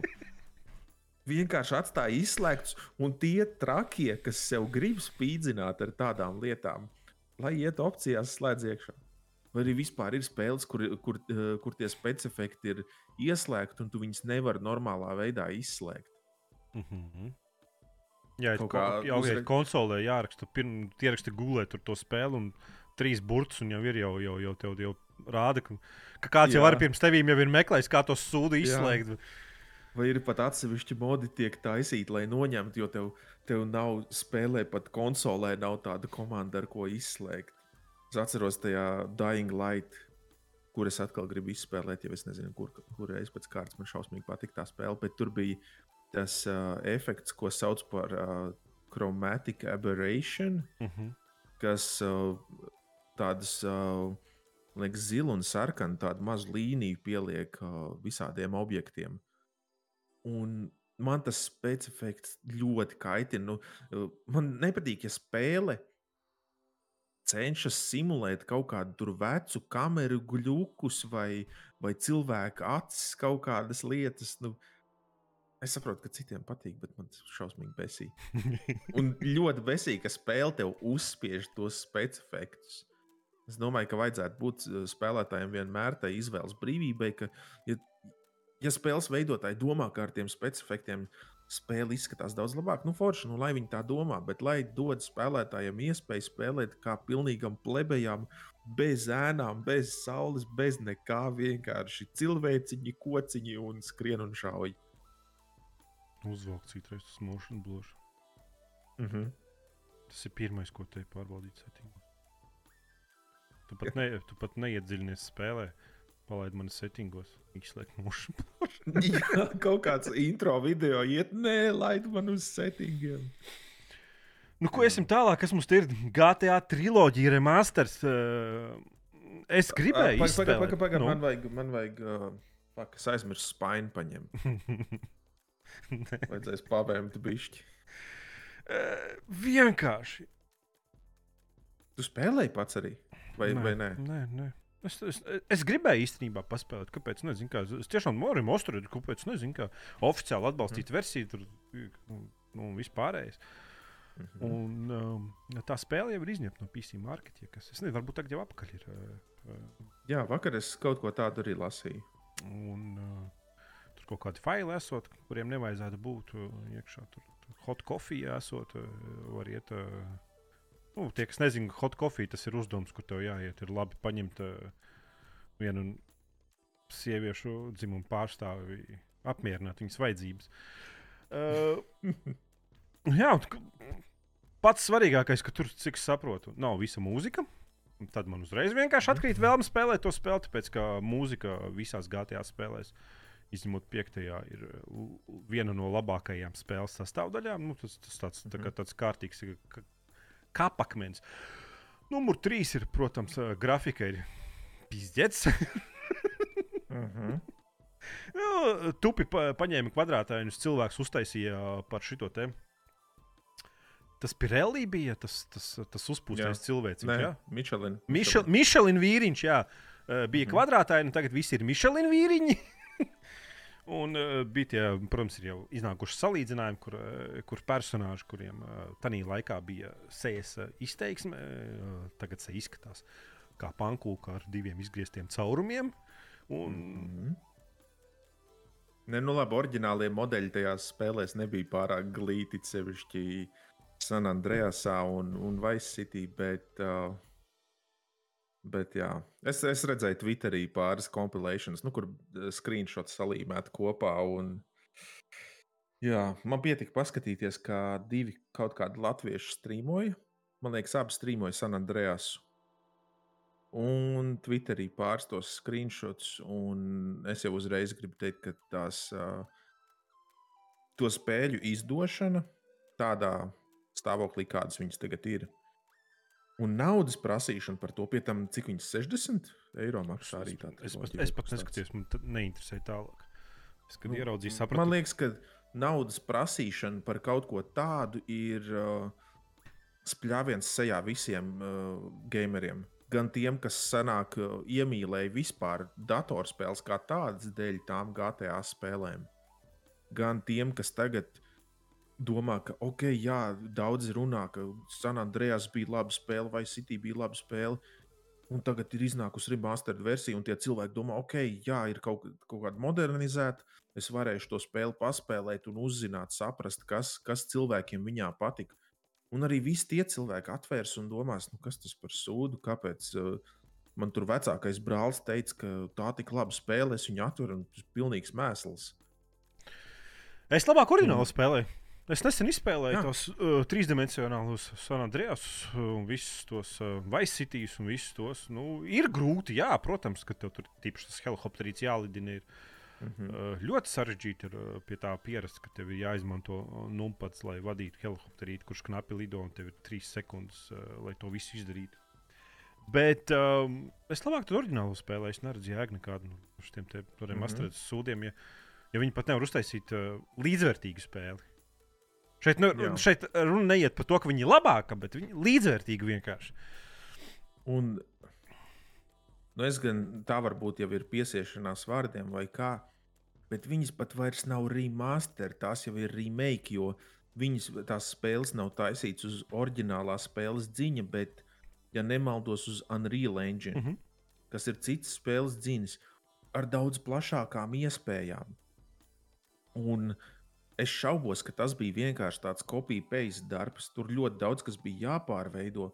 Un tad liekas šausmīgi slinki pārveidot to spēli uz citas spēles dziņa, bet tajā pat laikā neizlabot visādus tur gļukus, kur cilvēki tur ies, iesprūst vienkārši kokā un tad skrien vienkārši pie koka ar, ar pieru atspiedušies. Un, un paskatoties, kā tur lietus izskatījās, un citi efekti, vai tur kaut kāds caurspīdīgs tilts, tur kaut kādam strautiņam vienā vietā bija tilts pāri. Kartē tu viņu redzi, bet dzīvē viņš ir nu, neredzams. Vai arī tas lietus, kāds spēlē, ir vispār liekas, ka tur kāds ir paņēmis no modu database vai Nexus modus kaut kādu modu, kas paņem oriģinālo lietu un uztaisa 200 reizes stiprāku. 200 reizes vairāk viens un tas pats krīt tajā. Nu, tas lietas izskatījās nu, vienkārši briesmīgi. Es pieļauju, ka cilvēkiem, kam ir kaut kādas uh, epilepsijas vai kaut kas tamlīdzīgs, nu, tur ir nezinu, kā pieklājīgi pateikt. Viņi es... reāli varēja paņemt to, nezinu, nevis triloģiju uztaisīt, bet paņemt vienu spēli, pārlikt uz jauno GTA 5 dzini. Tieši manas domas. Tas Viss. būtu tik labi, jo, jo GTA 5 dzīves ir tik labs. Man, nu, man vismaz liekas, ka tā spēle jau es nezinu, cik gadus viņa ir iznākusi. Nu, jā, viņš ir optimizēts. Tas ir labi. Nu, kas viņš ir tieši tā, viņš ir optimizēts. Var, tu vari gan spēlēt uz ļoti jaudīga datora un dabūt tiešām skaistu spēli, Vai arī, ja tev ir vājāks un vecāks dators, tu vari noregulēt visu un tik un tā izbaudīt tādu normālu gameplay ar normālu kadru skaitu sekundē. Un tiešām es, es biju domājis arī, kad uh, tika paziņots, ka tur būs tāda triloģija. Man uzreiz likās, ka nu, tā būtu loģiska izvēle. Viņiem ir pašiem savs dzinis, pie kura viņi ir strādājuši cik gadus. Viņiem ir pieredze, viņiem ir visa, visas uh, zināšanas vajadzīgās visi vajadzīgie rīki, lai to izdarītu. Nē, viņi izvēlās Unreal Engine, kas ir viņiem svešs. Nu, var, var, var jau būt, ka viņi ir kaut kādas spēles uz tādu ziņu iepriekš taisījuši. Man liekas, ka šī triloģija ir uh, pasūtījums ārpusē. Kaut kāda cita, cits kantors, nevis Rockstar. Viņi taisīja, cik es sapratu. Turpat vispār nav saistīta. Nu, Tie kaut kādi mobili spēļu nu, izstrādātāji. Tad vēl stulbāk teiks, un arī par tām mobilajām spēlēm. Taču bija jau pirms cik gadiem gan Vice City, gan San Andreas bijusi telefoniem. Kāpēc vēlreiz, kāpēc vēlreiz izlaist ķipa uzlabotu versiju, kur reāli nav uzlabota? Es nezinu, es naudu. Tā sa... es... ne, nu, protams, protams, un tas ir, nu, tas ir skumji. Un, Jā, bet nu, pirka tik daudz, ka no, no, nokārās uh, Rockstar, viss tas launchers, un tie, kas negribēja pat triloģiju spēlēt, nevarēja parasto, parastās spēles. Es gribu paspēlēt Red Dead Redemption 2. Šodien, ne, šodien triloģija iznāca. Rockstar Launchers vispār ir čotka. Man žēl tos spēlētājus. Nu, tas ir. Nu, jā, nu nav, nav, nav jēga. Nav, nav, nav, nebūs. Nebūs vispār nekas ne, no tās. Nebūs arī modernu taisītās kaut kādas nu, Zini, kas ir pats stulbākais? 100% uz GTA 5 ir mods, kas ieliek kaut kādu San Andreas karti vai Vaisitī karti GTA 5 iekšā. Noteikti. Ir, vai arī pat ja nav pabeigts, Es esmu pārliecināts, ka cilvēki pie tā ir strādājuši. Bet Rockstar ir tāda kretīna, viņi pasaka, nē, moderni nedrīkst mūsu spēli aiztikt, viņi nedrīkst taisīt modus, bet viņi paši ne, negrib taisīt labu spēli. Jā, šī tas ir nu, tiešām viņi, viņi būtu palaiduši, paši izstrādājuši to pašu Vice City un San Andreas, un nu, varbūt GTA 4, man GTA 4 nepatīk. Bet tādu Man nepatīk. Šausmīgi besīgi. Es viņu tā arī, varbūt es viņu vienreiz esmu izgājis, bet es vairāk. Normāli brūna spēle. Brūna, jā. Nu, Sūta brūnais filtrs. Nu. Bet jā, viņi varēja uztaisīt.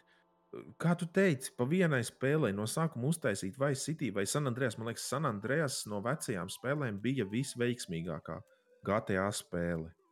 Nu, no tām tri, trīs dimensiju, kā viņš mm. tur saucās, 3D universālā un uh, uztaisīt uz GTA 5 dziņu, un par to pat varētu prasīt arī 20 eiro. Nu, aptuveni, es nezinu, 60 varbūt nē, tas būtu bijis par daudz. Tā tomēr veca spēle, viņiem nav tur stāsts un, un viss tas no jauna jāizstrādā. Bet tad, tad būtu vērts, un tad cilvēkiem, es domāju, arī nebūtu tā vilšanās.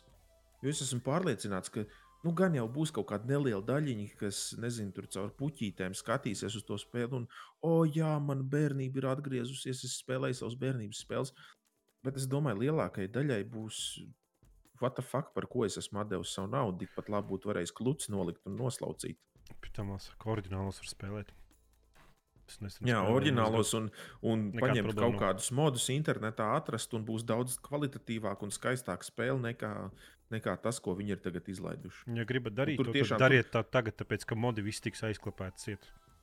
Viņi jau tiek nu, klapēti, gan, gan masveidā. Varēs, varēs kaut kur atrast, jau formā. Bet, bet jā, labāk tagad jau, jau novilkt visu, kaut kur pieglabāt pašiem savos Google Drive. Ja ir kur. interesi. Jā, un, un, un tā vietā, lai pirktu to triloģiju, aizskaiti nu, ne tos 60 vai nu, vienalga, cik viņi prasa, bet nu, pāris eiro tu noziedotiem modu veidotājiem. Un tur tu zini, ka tā nauda vismaz nonāks pie kāda, kas ir tiešām uh, godprātīgi darījis labu darbu, nevis vienkārši lai noslauktu naudu, bet darījis tādēļ, ka viņam tā spēle patīk, un viņš vēlas, lai arī citi to spēli izbauda. Tieši tā. Tā nauda aizies heroīnā un sievietēs liederīgi. Nu, Tas kaut kā, par... bet labāk, lai viņi aiziet heroīnā un sievietēs, kādam modelim, nevis rokstāram. Es domāju, rokstāram naudas uh, priekš heroīnu un sievietēm pilnībā pietiek. Jā, viens. Tie tur labi pelna, es domāju. Tur, tur bez, es nezinu, tu katru reizi ienāc Steamā, top sellings uh, spēles. Tur būs tas GTA vai, uh, vai Red mm -hmm. Redemption. Uh, es nezinu, protams, vai tagad, bet nu, tas ir cik jau Red Red Redemption jau cik jau gads vai divi pagājuši. Es neatceros. Jau. Jā. Bet GTA jau vienmēr ir top selling spēle bez apstājas. Kaut arī viņi pavelti visiem jau meta. Jā. bet nē, nu, kā spēle jau ir laba. Bet, bet tās kompānijas attieksme ir, maigi sakot, drāmīga.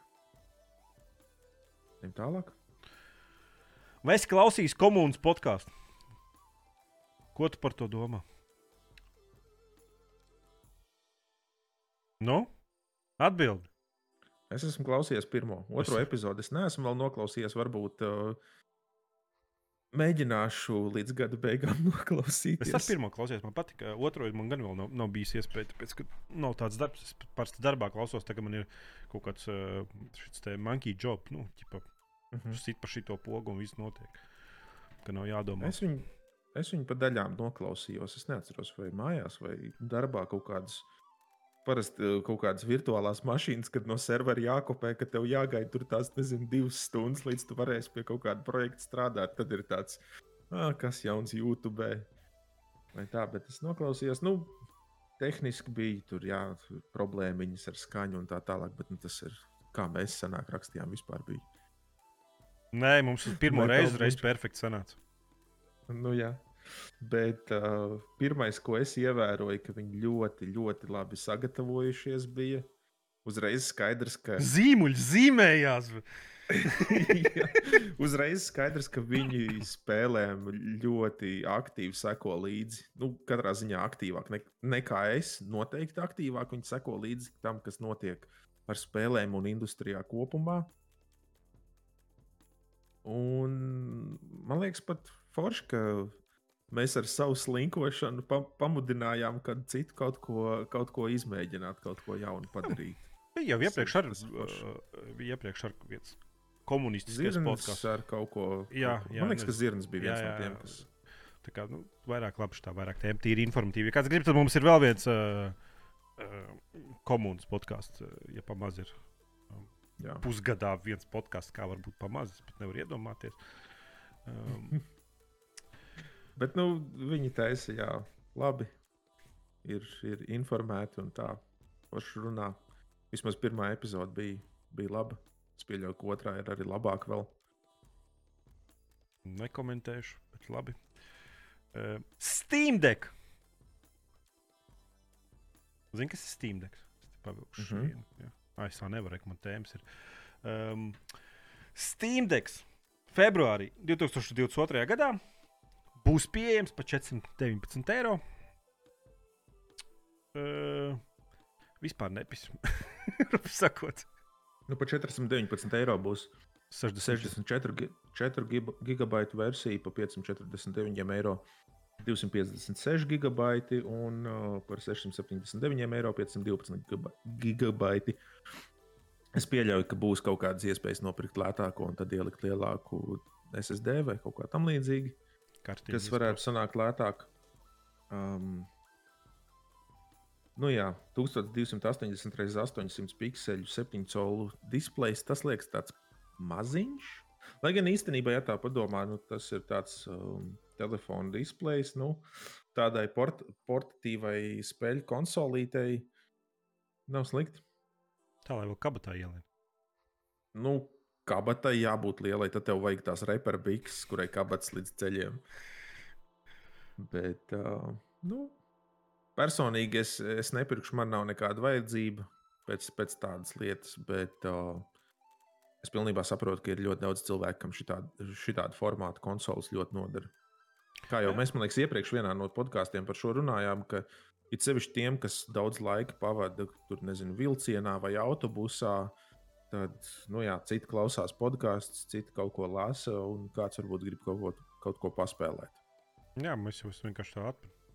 At, atraduši ir jau cilvēki, kas vienkārši dienas stundu, stundu pavada braucot uh, sabiedriskajā transportā. Ir pat vairāk. Un tā ir ikdiena. Nu. Pasēdēt kaut kādā, kaut ko padarīt. Es paskatījos, es nesapratu, priekš, kam es vienkārši man bija uh, pie Jāņa pieejama. Uh Mhm. -huh. Kas savā laikā ir diezgan smuka ierīce priekš sava, priekš sava kad viņi tik, tikko iznāca. Protams, tagad tas ir savādāk. Tur baigs smukais ekrāns bija. Un uh, ļoti reta spēle, kur strādāju uz tādas sportīvas iekārtas. Kaut kāds divdimensionāls uh, platformeris ļoti labi strādā. Uh -huh. Trīsdimensionāls spēles tādas ierīces nestrādāja vispār.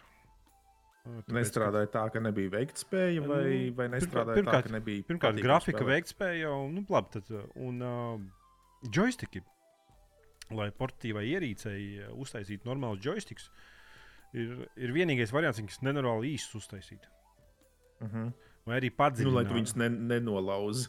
Jā, lai viņi tupinē, un tad viņi nereāli īsi un uh, diezgan nelietojami priekš, manā, nu, priekš maniem lieliem pirkstiem, kas varbūt sīkajiem, mm Mhm. -hmm. īstenībā mazajām rociņām nebūtu nevainas. Bet interesanti, šīs tieši ir divas lietas, par kurām es lasīju pirms, pirms mēs rakstījām to, nu, sākām Mm. rakstīt, ka uh, ir pārbaudītas tur daudzas tās spēles, un uh, tās, ko viņi pārbaudīja, nu es jau neskatījos, kāds tur saraksts ar tām spēlēm, ka darbojās ar stabilu 30, vismaz 30 kadriem sekundē. Tur iepriekš bija arī kaut kāds saraksts ar tām spēlēm, kas ir notestētas. Un ka viņi īpaši esot piestrādājuši pie tiem joystikiem, lai viņi būtu ērti un, un labi. Un tā. Protams, tas ir, kas ir internetā uzrakstīts. Un Steam jau, Steamā, protams, var pašu uzrakstīt. Jā, mums ir kamēr- vislabākā portatīvā konsole un tā tālāk. Nu, Jā, jā, ka, katru gadu kaut kas ir uh, most amazing, uh, most ambitious projects. uh -huh. Un, Nu, kā, Jā, jāgaida, kad kāds to, kāds to Steam deck jā, kamēr rokās un- nepaturēs. Es domāju, ka var, ja tos joystiks iesēdina iekšā, nu, stipri mm. -hmm. dziļāk un vienkārši ārpusē atstāja tādu, tā kā, varbūt var, jā, bet nu, tā likās diezgan, diezgan tā. Bet es nezinu, Plus, ja tu to konsoli, ja tu viņu nes, eh, ja tu viņu nesā visu laiku kaut kādā cie, cietā, stingrā ietvariņā, jo citādi tādus, eh, tādus joystikus, man liekas, ir ļoti viegli nolauzt. Nu, ne tikai nolaist, visu sūdi tur salīdīs iekšā. Un... Jā. Nu, redzēsim, kad, kad iznāks, kad būs, kāds būs nopircis. Es domāju, ka Varbūt kāds gribēs mums iedot OC uz, uz, uz testu. št- Mūsu man liekas, tāda iero- ierīce par lētāk kā 419 eiro ir. Baigam fanātam jābūt. Jā, Bet kaķā ir arī cilvēki, kas Nintendo Wii pirka. Un... Jā. Nu, man, ir, man ir grūti saprast uh, to nezinu, vēlmi vai, vai kā maksāt tādu naudu par, par tādu konsoli, bet es saprotu, ka ir cilvēki, kam, kam tās vajadzības ir pavisam citādas nekā, nekā man. Tā kā gan jau, nu, tad jau redzēsim, cik būs. Cik Tas būs pieprasīt. Tad es atradu amizantu tēmu, ka Ķīnā tagad turpmāk nepilngadīgajiem atļauts spēlēt piekdienās, sestdienās, svētdienās video spēles tikai vienu stundu. Tas nozīmē trīs, trīs stundas nedēļā. Ah, un pārējo nedēļu nedrīkst. Nedrīkst, jā. Un uh, uzsvars tas ir no komunistiskās partijas, ka turpmāk Tas ir jākontrolē no spēļu izstrādātāja puses. Tas nozīmē, ka eh, visi drīz eh, Ķīnā um, logosies iekšā internetā caur pasi. Un, nu jā, vai kaut kāda un, identifikācija. Un tāpēc arī tur Fortnite versies ciet tieši konkrēti skaistajā komunistiskajās partijas valstī. Uh, Jo izrādās, ka eh, komunistiem arī nepatīk visādi vību šiti un, un, nu, un uh mhm. -huh. vispārējais. Nu, ķipa, ja tur ir vīriešu tēls, kurš ir ģērbies sieviešu zeķēs vai kleitiņā, tas komunistiskajai partijai nav pieejam, pie, pieņemams. Uh mhm. -huh. Un Fortnite pateica, ka nu, mēs nevaram izņemt jums ārā, tāpēc mēs to visu slēdzam ciet. Jā, šādas lietas par Ķīnu sevišķi runājot, man uh, atgādina, ka mēs čīkstam, ka mums te ir slikti un tā tālāk, bet nē, mums te ir labi. Ziemeļkorejā ir slikti. Nu, tur ir vispār, jā. Tur ir briesmīgi, bet Ķīna arī ir, ir, ir traki. Tur. Kā būt pašam, sev būt personībai, ir ļoti grūti būt ar, ar saviem uzskatiem un tādām lietām. Bet tajā senāk tur vispār nevar ne? zaļus matus nokrāsot, neko vairs. Tur. Tā jau nu, nezinu. Gan, gan, gan jau, gan jau tik traki nav. Tas pietiekoši, ja tas pietiekoši spīdis pipars, tad jau tu vari visu kaut ko darīt. Tāpat tajā arī Ziemeļkorejā ir tādi, kas var braukāt ar visādiem bēnbiem un vēl visu kaut ko. Bet no vienas puses tas jau ir labi. Nu, ka, varētu, ka tev vajadzētu ielagoties savu vārdu, uzvārdu internetā un tur nevar huīņu darīt. Tas gan, jā. bet, ir, arī, nedaudz, bet, bet, bet tas ir baigi tāds arī baigi plānais ledus. Jā, jā, jā. Un Ķīnā, saprotu. man liekas, jau tur tas sen ir saplīsis, un tur privātums uh, ir, ir ļoti tāds nosacīts jēdziens. Nu, bet priekš kam nevajag? Bet, jā, cilvēki sāk paši domāt, un kaut kādas viņiem pašiem savas domas sāk rasties. Viņi kaut ko Nē, nu, sāk nu, protams, paši kaut ko darīt. Ko... Jā, tādai komunistiskajai partijai galīgi tas nav. Tas labi. vispār neiet cauri. Kā, kā to saprast? Jā. Viņiem vēl parādīsies ne, nu, protams. pašiem savas vēlmes, vēl hobiju kaut kādu. Jā, viņi izdomās pateikt kaut ko, kaut ko pretī vispār. Jā. Man nepatīk pateikt vēl. Jā. Bet, ne, nu, protams, vai, vai vajag ierobežot to, cik bērni daudz spēlē un ko viņi spēlē un tā tālāk, bet nu, ne jau tā vienkārši nogriezt ar nāzi. Nezinu, man kaut kāds tupi liekas, man liekas, ka tas ir vecāku uzraudzība. Jā, Bet uh, varbūt tur ir tā. Bet daudz ka... vecāki jau negrib. Daudz, daudz vecāki negrib, vai arī ļoti daudz vecāku uztais, uztais sīkos, kad viņi vēl paši nav reāli gatavi, uh, gatavi audzināt, paši nav izauguši. Vai, tad... pak, pak, gribu teikt, ka iegrūst planšetes sīkajiem rokās, tā nav audzināšana, nu, komunikācija ar viņu bērnības laikā. Nē, tev vajag iegūst planšetu rokās, kurai jau pieslēgts ir visādi automātiski maksājumi, tā ka tev sīkais var uh, vien, vienu vakaru uzspēlēt kaut kādu tur uh, Candy Crush vai kaut kādu citu spēlīt, un tad tev ir pēc tam pusgadu uz ātriem kredītiem jādzīvo. Tā ir audzināšana. Jā. Tie, kas jaunie vecāki nezina, tad es varu pastāstīt noslēpumu, ka uz iPhone ir uh, parent control iestrādāts iekšā. Es domāju, ka Androidam arī es nezinu, kāds ir. Un uh, katrai aplikācijai var uzlikt laika limitu, un viņš paiet, aplikācija vairs nestrādā. Nu, tad bērnam jānāk prasīt, kas ir lielisks veids, kā kontrolēt, pirmkārt, kādas aplikācijas viņš tur instalē un kādus, kādus viņš apmeklē. Un otrs arī ir kontrolēt to, cik viņš daudz laika tur pavada. Mm -hmm. No personīgās pieredzes, kā mēs to darām mājās. Jā. Labi. Vēl jau, protams, variants ir uh, darīt kaut ko kopā ar to bērnu. Bet nu, šajos grūtajos laikos ir baigi ierobežotas tās, tās iespējas. Viņš, es, te, es tev godīgi pateikšu, es brīnos, viņi tur sazvanās karoči, caur iPhone, tur tie, tur telefoniem un kāpā kaut kādas spēles online kopā. Kaut kādus tur Minecraft spēlē un ņemās. Un tad, mm -hmm. es mhm. atceros, un tad es atceros, ka es to pats arī darīju. Nu, kas īks bija. Nu, jā. tad kaut kā būtu, man liekas, izlies viņa pateikt, nē, tu to nedarīsi. Nē, nu, protams, ne jau tā, ka nedarīsi. Ir jau tad vienkārši tev ir tev, tev ļoti tu un, uh, un tavs vai tavi bērni ir, ir, ir uh, labs piemērs. Ir vienkārši daudz, kam, kam tas aiziet ļoti, ļoti neveselīgā līmenī. Nē, kāpēc? kaut ko raudu, čīkst, ņemt viņam rokās planšetes un viss. Nu, Spēj, ko tu gribi, skaties, ko tu gribi. Viņš Nu, jā. to audzina. Labi, Tas vie vieglākais variants, jā. ejam pie komentāriem, tāpēc, ka ir pagājusi jau jobans, pomans pusotra stunda. Un es gribu šodien arī Nu. kaut ko izdarīt, nevis gaidīt, kamēr šis video sarenderēsies. jā, es arī es Mm, gribu Forzas apskatu uztaisīt. Es domāju, ka Forza grib iet spēlēt. Uh, Konformēt Vito vairs. Forza nepatīk. Viņš spēlē viņu tikai lai uztaisītu apskatu un pēc tam izdzēsīs. Nē, apskatām, es jau esmu ierakstījis visu. Izbaudīšana. Digis, Paulis, Vuškāns. Nē, Pauls Vuškāns, Arnis. Tie trīs cilvēki pateica paldies, ka komentāros vienkārši nelasīšu tā. Un tad mums Digis ir, eh, kā vienmēr, iz, izplaties ar ā, ļoti gariem jautājumiem. Ā, Paldies viņam par to. Blizzards skandāli ietekmēs spēles oru. Es nevaru tā lasīt, jo man nav pierasts. Man parasti čats šitā pusē ir. Es atvainojos.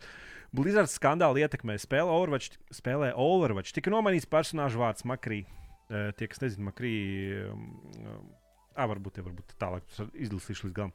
Tas, tas darīs tādēļ, ka personāžam vārds bija piešķirts par godu Džesam Makrī spēles veidotājiem, kurš ir atlaists, jo viņš uh, gramstījās, man liekas, vai ko viņš darīja. Spēlētāji ir Ok. sadalījušies uz. Ļaujiet, es nevaru izlasīt.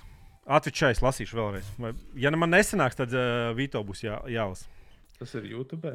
Jā, pagaidi. Blizzard skandāli ietekmē spēlē Overwatch. Tika nomainīts personāžu vārds Makrī.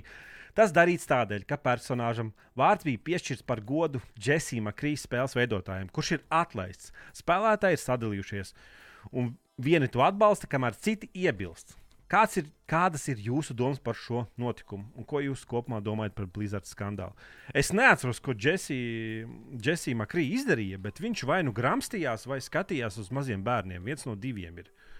Mm. Es domāju, ka gan maziem bērniem viņš negramstījās. Uh, visdrīzākais, ka viņš ar uh, um, pieaugušām sievietēm darba vietā uh, gramstījās, bet es, es vairs to neatceros. Tas bija diezgan sen.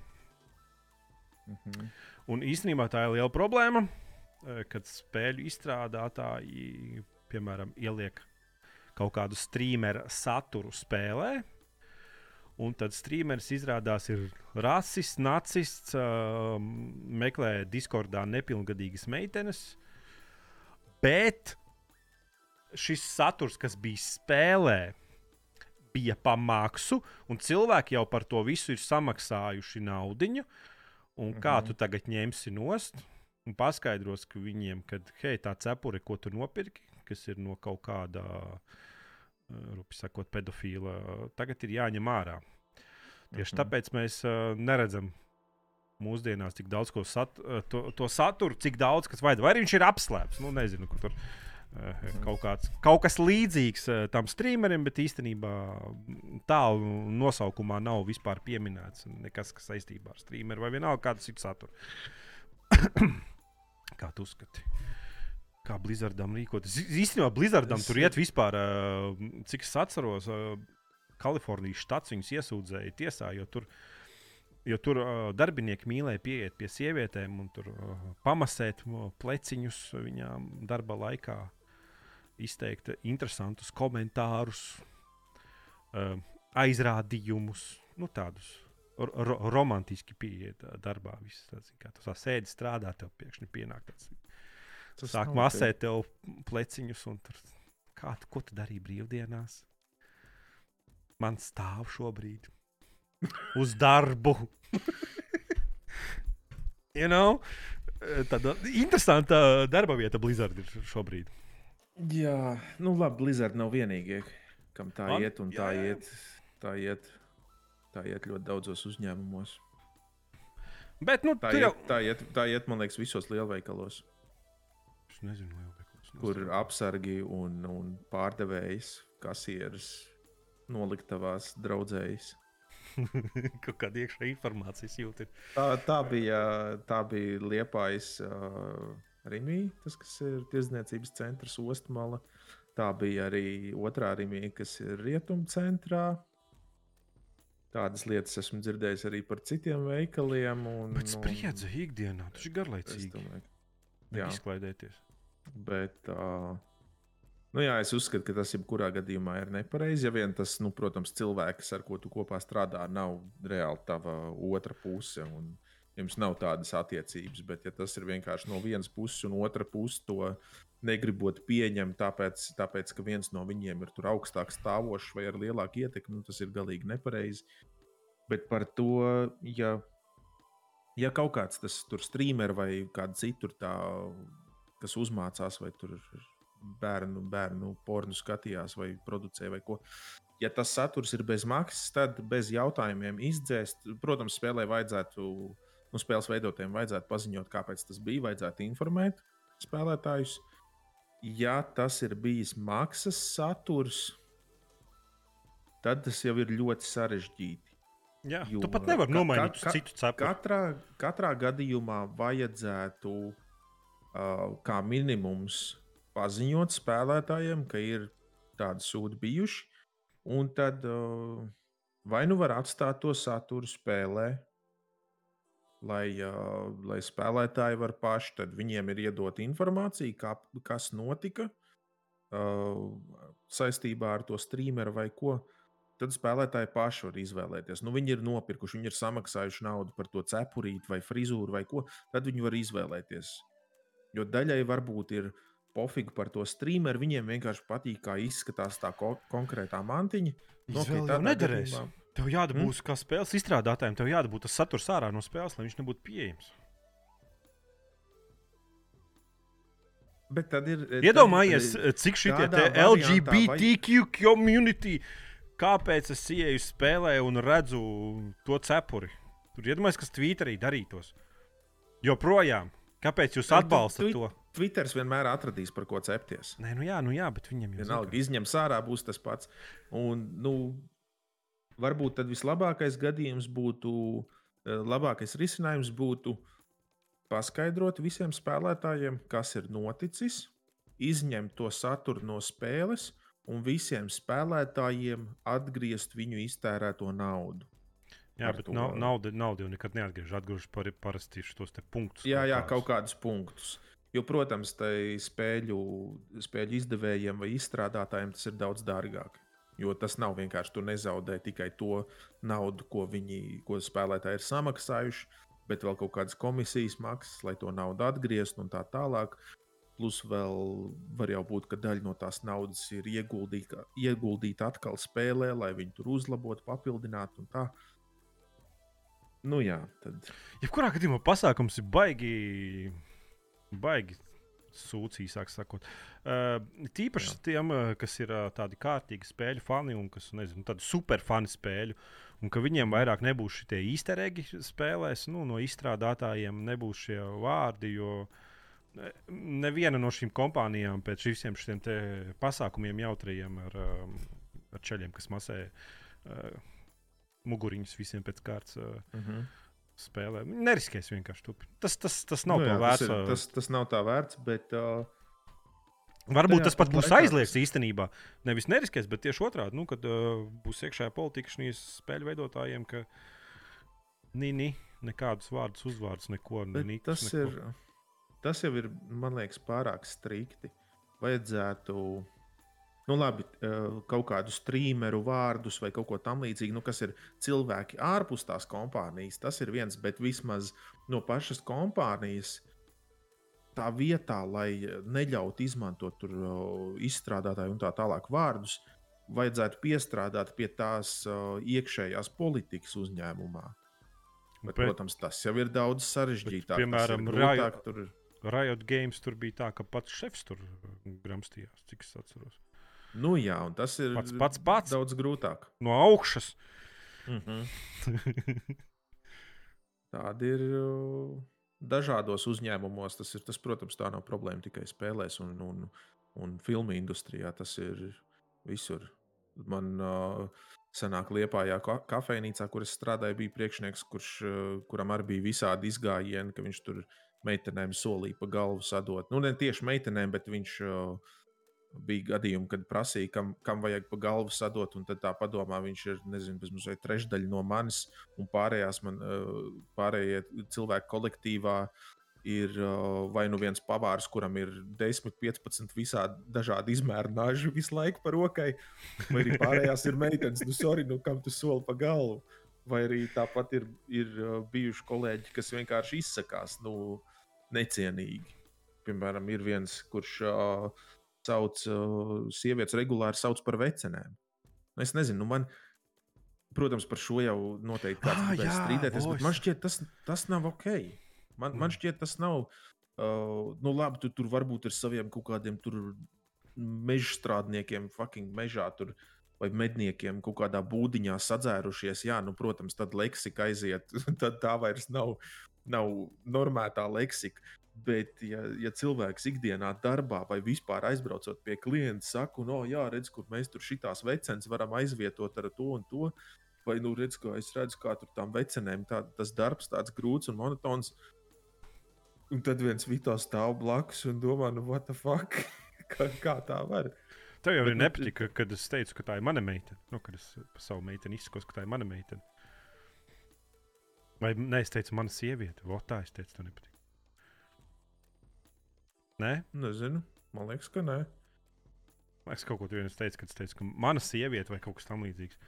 Ka tev nepatīk. Varbūt, es nezinu, nē, tas, tas man, man liekas, nu, es, es tā Es nesaucu vienkārši savu aiz- draudzeni, bet Es vienkārši aizgāju paprasīt uh, savai meitenei, vai tu esi mana sieviete. Viņa teica, ka jā. Hmm, es savai draudzenei neesmu to prasījis. Bet, bet nu, jā, nu, mana sieviete, nu, tas, tas nav tā.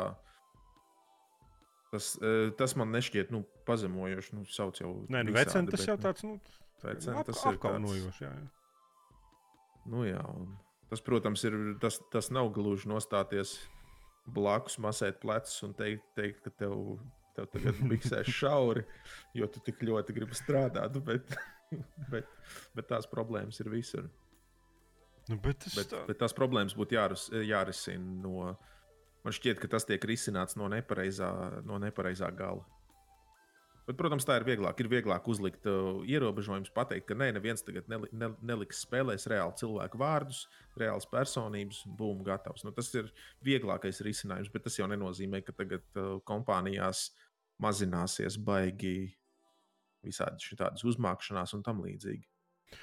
Jo tā jau ir problēma visās jomās, ka cilvēki, kam ir kaut kāda vara, kaut, kāds, uh, nu jā, kaut kāda ietekme, viņi to izmanto. Nu, tas ir tas cilvēku dabā. būtu komunistiskā partija, es kā līderis noteikti būtu ienācis darbā, un tās Mhm. mm. nomierinošās tabletes ir. Nu, lai viņi, kad viņiem mēnešā reizes sākās, lai viņi nomierinās, tad visiem, mm. visiem izdala no rīta brokastīs. Nu, mājā, mājā ejot, jau viss būs izgājis. Vienīgais risinājums ir. Tas ir ļauni pret kaķiem. Nē, nu, es saku, šim tu kaķiem. Es saku, tās pašas tabletes, ko kaķiem dod vienkārši. vai ne? Ir, ir filmas par šādu tēmu. Bija uh, viena filma ar, uh, man liekas, Kristiānu Bēlu galvenajā lomā. Es aizmirsu kā, uh, nosaukumu, bet tur arī bija ķipa, uh, pasaulē, ka tur kaut kāds val, uh, valdnieks vai kas, un visi cilvēki no rītiem ierauj ripiņas, ka viņiem pazūd visas emocijas un tā tālāk. Un tad ir tas galvenais varonis, ir daļa no spēcvienības, kas iet meklēt visādas tur mākslas darbus un tam līdzīgas lietas un iznīcina viņus. Lai. Vo. cilvēkiem pasaulē nebūtu prieks, nebūtu emocijas, lai viņi vienkārši kā roboti iet. Izkla- Izklausās, man, man, man, mana dzimtene, kur es gribētu dzīvot. Labi, Digis Bērs vēl raksta. Tagad tāds nopietnāks jautājums. Iepriekšējais nebija nopietns.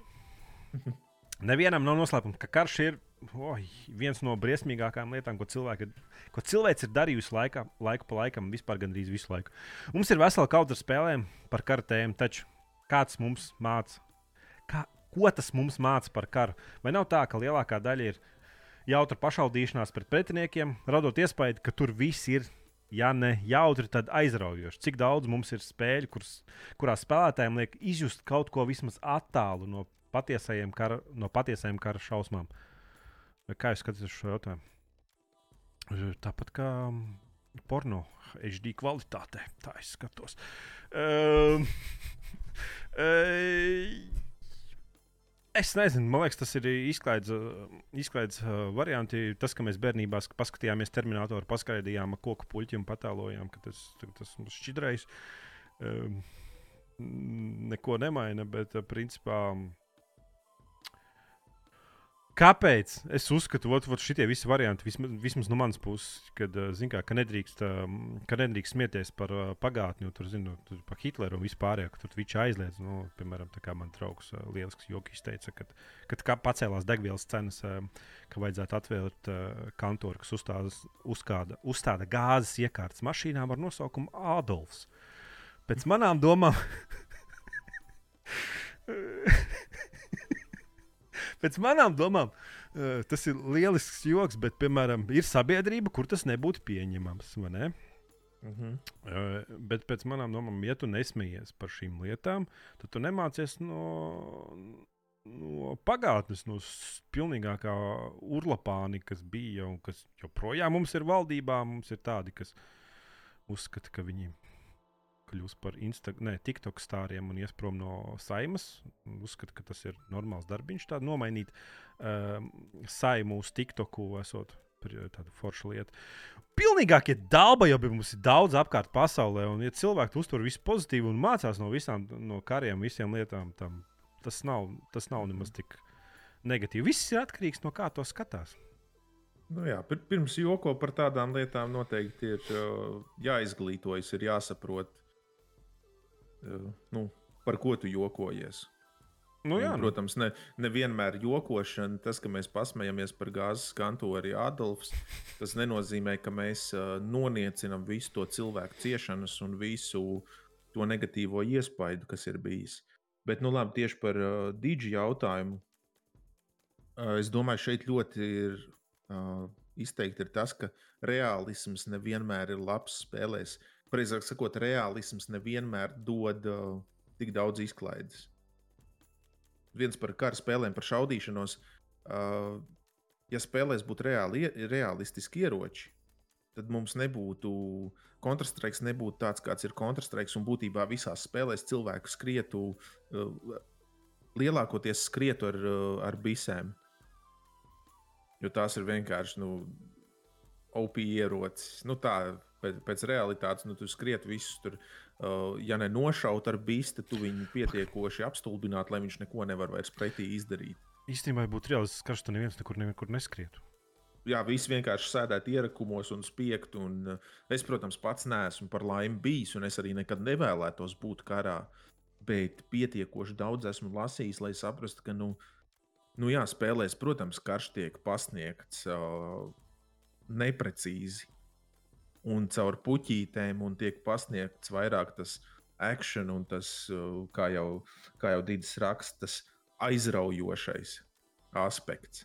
Bet, nu, protams, nu, spēles jau arī tam ir domāts, lai tu varētu darīt kaut kādas lietas, ko tu, protams, reālajā dzīvē nevar darīt. Nu, es, piemēram, ne, nedomāju, ka es kādreiz mūžā varēšu garāžā turēt 63 mašīnas, no kurām es vien, izmantoju vienu Peugeot. Bet gribētu. Nu.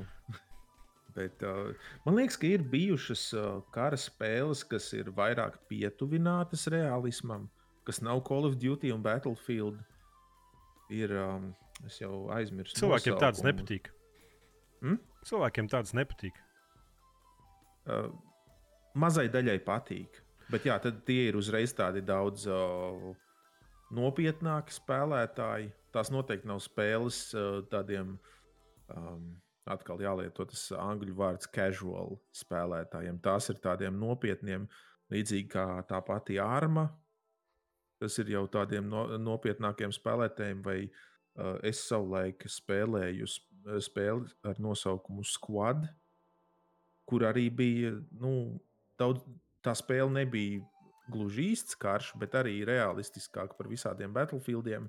Tur arī nu, tu izlienais stūri, Tu neredzi, no kurienes tu nošauji, tu vienkārši dzirdi kliku, un tavs varonis ir, ir beigts. Un viss, nu, tas ir pavisam Bet... realistisks kara spēles. Mēs, es nezinu, vai dabūsim, kur, kur cilvēks skraida ar, vai neskraida jau ar norautām kājām, vai piedirstām biksēm, vai kas panikā viņiem, nezinu, kaut kas smadzenēs aiziet aiziet greizi un viņi ierakumos paši nošaujās vai uz, uz, uzspridzina granātu, paraujot pusi savu komandu līdzi. Nu. Uh, Ubisoftam bija viena spēle, es neaizmirsu, kā viņu sauc. Bija par Pirmā pasaules karu div, divdimensionāls, tā kā ne platformers. Par Pirmā pasaules karu. Tur arī daudz cilvēku stāstīja, nu, kad izspēlē un čutni asaras birst. Un, uh, Nu, tur tā tematika tā smagi tika izcilāta. Tie ir t- tīri pa karu. Tā, tā. Bet jā, Mhm. tā, tā nav tāda tēma, man liekas. ko- var, man liekas, tādas brutālas lietas var filmās izbaudīt. Mhm. Nu, spēlēs ir, Spēlēs bišķi tas ir neiet arī grūti, ir, ir grūtāk arī mod, monetizēt. Ir grūtāk monetizēt, un uh, to arī būtu grūtāk parādīt. Grūtāk, nu, tās, tās šausmas un visu to. Tad būtu jābūt spēlei, kur, nezinu, līdzīgi kā kaut kāds Battle Royale, kur tu vienkārši ieej tajā karā un viss tu vienreiz tev iešauj, viss tu, tu vairs neko tu nevari spēlēt. Spēle beidzās game over. Tas Jā. spēles jau ir izklaidēts. Tāpat kā filmas. Nu. Man, piemēram, skatīt, patika, kā šis Arnolds Švarcenegers iet ar to baļķi. to plastmasas baļķi. jā, jā, jā. Un pēc tam tur ar ložmetēju skrien, tur ar granātām apkārties. Tur vis, visi mirst un visi šauna, neviens viņam nevar trāpīt. Nu, es, diezgan Jā. jautri izskatās. Es Nu, jā, domāju, tas, tas, tā- ir izklaide. Tam, tam ir jābūt jau, jautram. nu, es jau man Čal, Čalis bija klasē. Viņš uz armiju. Viņam tā lieta tik ļoti patika, ka viņš nevarēja sagaidīt, ka viņš uz misiju tiks un tur nepašaudīties. Mm. -hmm. Ir arī tādi cilvēki. Nu, Ir, jā. Nē, nu, ir, ir bijušas spēles, es tagad no galvas nevaru atcerēties nosaukumus, kas ir uh, tuvākas reālajam, nu, v- patiesāk attēlotās kara šausmas, bet es šobrīd nevaru no galvas atcerēties nosaukumus. Bet nu, tādas spēles noteikti ir mazākums tikai tāpēc, ka tas nav, uh, to nav viegli monetizēt. Tas nedod cilvēkiem tādu prieku. Un, zin kā, vēsturē nevien, eh, vēstures stundas daudziem nepatika. Lai gan tās nozīmīgas un parā, eh, parāda, pa- nu, jā, iemācīja Nu, bet- daudz ko un izskaidro, bet tas nav izklaidējoši. Un cilvēks spēlēs grib, grib uh, izklaidēties, nevis mācīties. jā. Vairums cilvēku. Un katrā valstī viens un tas pats nos, vēsturiskais notikums var tikt izstāstīts arī pilnīgi savādāk. Uh -huh. Vai pat vienā valstī dažādi. Jā, tā kā Kā piemēram, nevar tajā- ticēt. Jā. Nu, vēsturē jau saraksta tie, kas uzvar. Nu, jā, ot, tas pišķi man tracins. Es gribētu zināt, kā, būt, kā tiešām bija. Un tad tu tā pastāstīsi, ah, kā es varu zināt, vai man nemelo. Jā. Nu, var dzīvot uz priekšu labi. Jā. Uz šīs pozitīvās nots mums vajadzētu beigt. Nebija nekādi jautājumi. Es nezinu, tur izlasīt, tas Discordā jautājums nelasu. Es nezinu, kāpēc. Es aizmirsu pateikt, man šis podkāsts sākumā es pateicu, tur like, subscribe, um, send nude pics un visu pārējo. Uh, bet mums ir OC mājaslapa, kur var rakstīt komentārus, jautājumus un video. Vienkārši tāpēc, ka Discords ir čats. Mm -hmm. Discordā, nu, jā, tagad arī grūti izsekot, kas ir bijis no, no pēdējā. No pēdējā komentāra, nu jā, Grispersons tur paldies par jautājumu. Viņš bija sarakstījis, jā, jā, jā. À, no zirņa jautājums. Edgars minēja, ka viņam vajag green screen, jo, jo fons esot garlaicīgs. Kad būs streams no garāžas ar mazu fonā? Nebūs. Mazda ir apklāta, jau viss jau nolikt. Nē, tam man jā. tu, tur, tu tur bija pierakstījis, ka jautājumi te netiek pieņemti. Nu, jā, nu, tas ir saprotams, ka Discordā viņi baigi ātri pazūd. Jo, Nē, var jau arī nepazust, bet uh, nav garantīva, ka viņi nepazudīs. Nu, jā, baigi, Ir tīpaši, ka mēs, cauri. Pusgadu vēlāk rakstām podkāstu. Tieši tā. Tāpēc. Nu, jā, izskatās, ka nav, nav vairs jautājumu. Es vismaz neredzu. Tur ir jautājumi par, par komunas podkāstu, un tie jautājumi mums neinteresē. Vispār neinteresē. Jā, Labi, viss. Jādod divas, ej, tu nos man divas stundas rāda. Ierakst. Nu, labi, tur nebūs. Mēs visi izgriezīsim par to, kā tu stāstīji. Par tām slepenām tēmām. To mēs izdzēsīsim. Tāpēc varbūt būs kaut kāda stunda 20. Uh, bet pārējo gan saglabāsim. Kāpēc? Nu, labi. Tev man jāatgādina nākošajā podkāstā, lai es tur like, subscribe, share with friend, uh, send TikTok, um, Tu man atgādini, lai es tev atgādinu, un es tev atgādināšu. uztuvē uz pieres kaut ko un vispārējais. Mhm. Pēc, pēc OC krekliņus un maikus un, un krūzītes. Jā, savādāk es nevaru atļauties ēdienu. Jā, subscribojies Twitchā mums un, un YouTube, un būs to OC Discord serveri. Jā, mums vajadzētu izdomāt īstenībā, kāda zina kādu programmu, kurā varētu ierakstīt šos podkāstus. Tāpēc, ka es negribu 9 eiro. Kāda 9, 10 eiro par, uh, par normālu audio kvalitāti maksāt mēnesī? Skype. Skype vēl strādā? Kā vecajos labajos laikos, es nezinu. Vai Pamēģināt. Google Meet. Vai kā, Nu, tāds labāk Kā- 10 eiro. vai kā cilvēks, kas sievietes par vecinēm sauc Google Meet. Negribu Google Meet. Labi, viss. Uz redzēšanos. Paldies.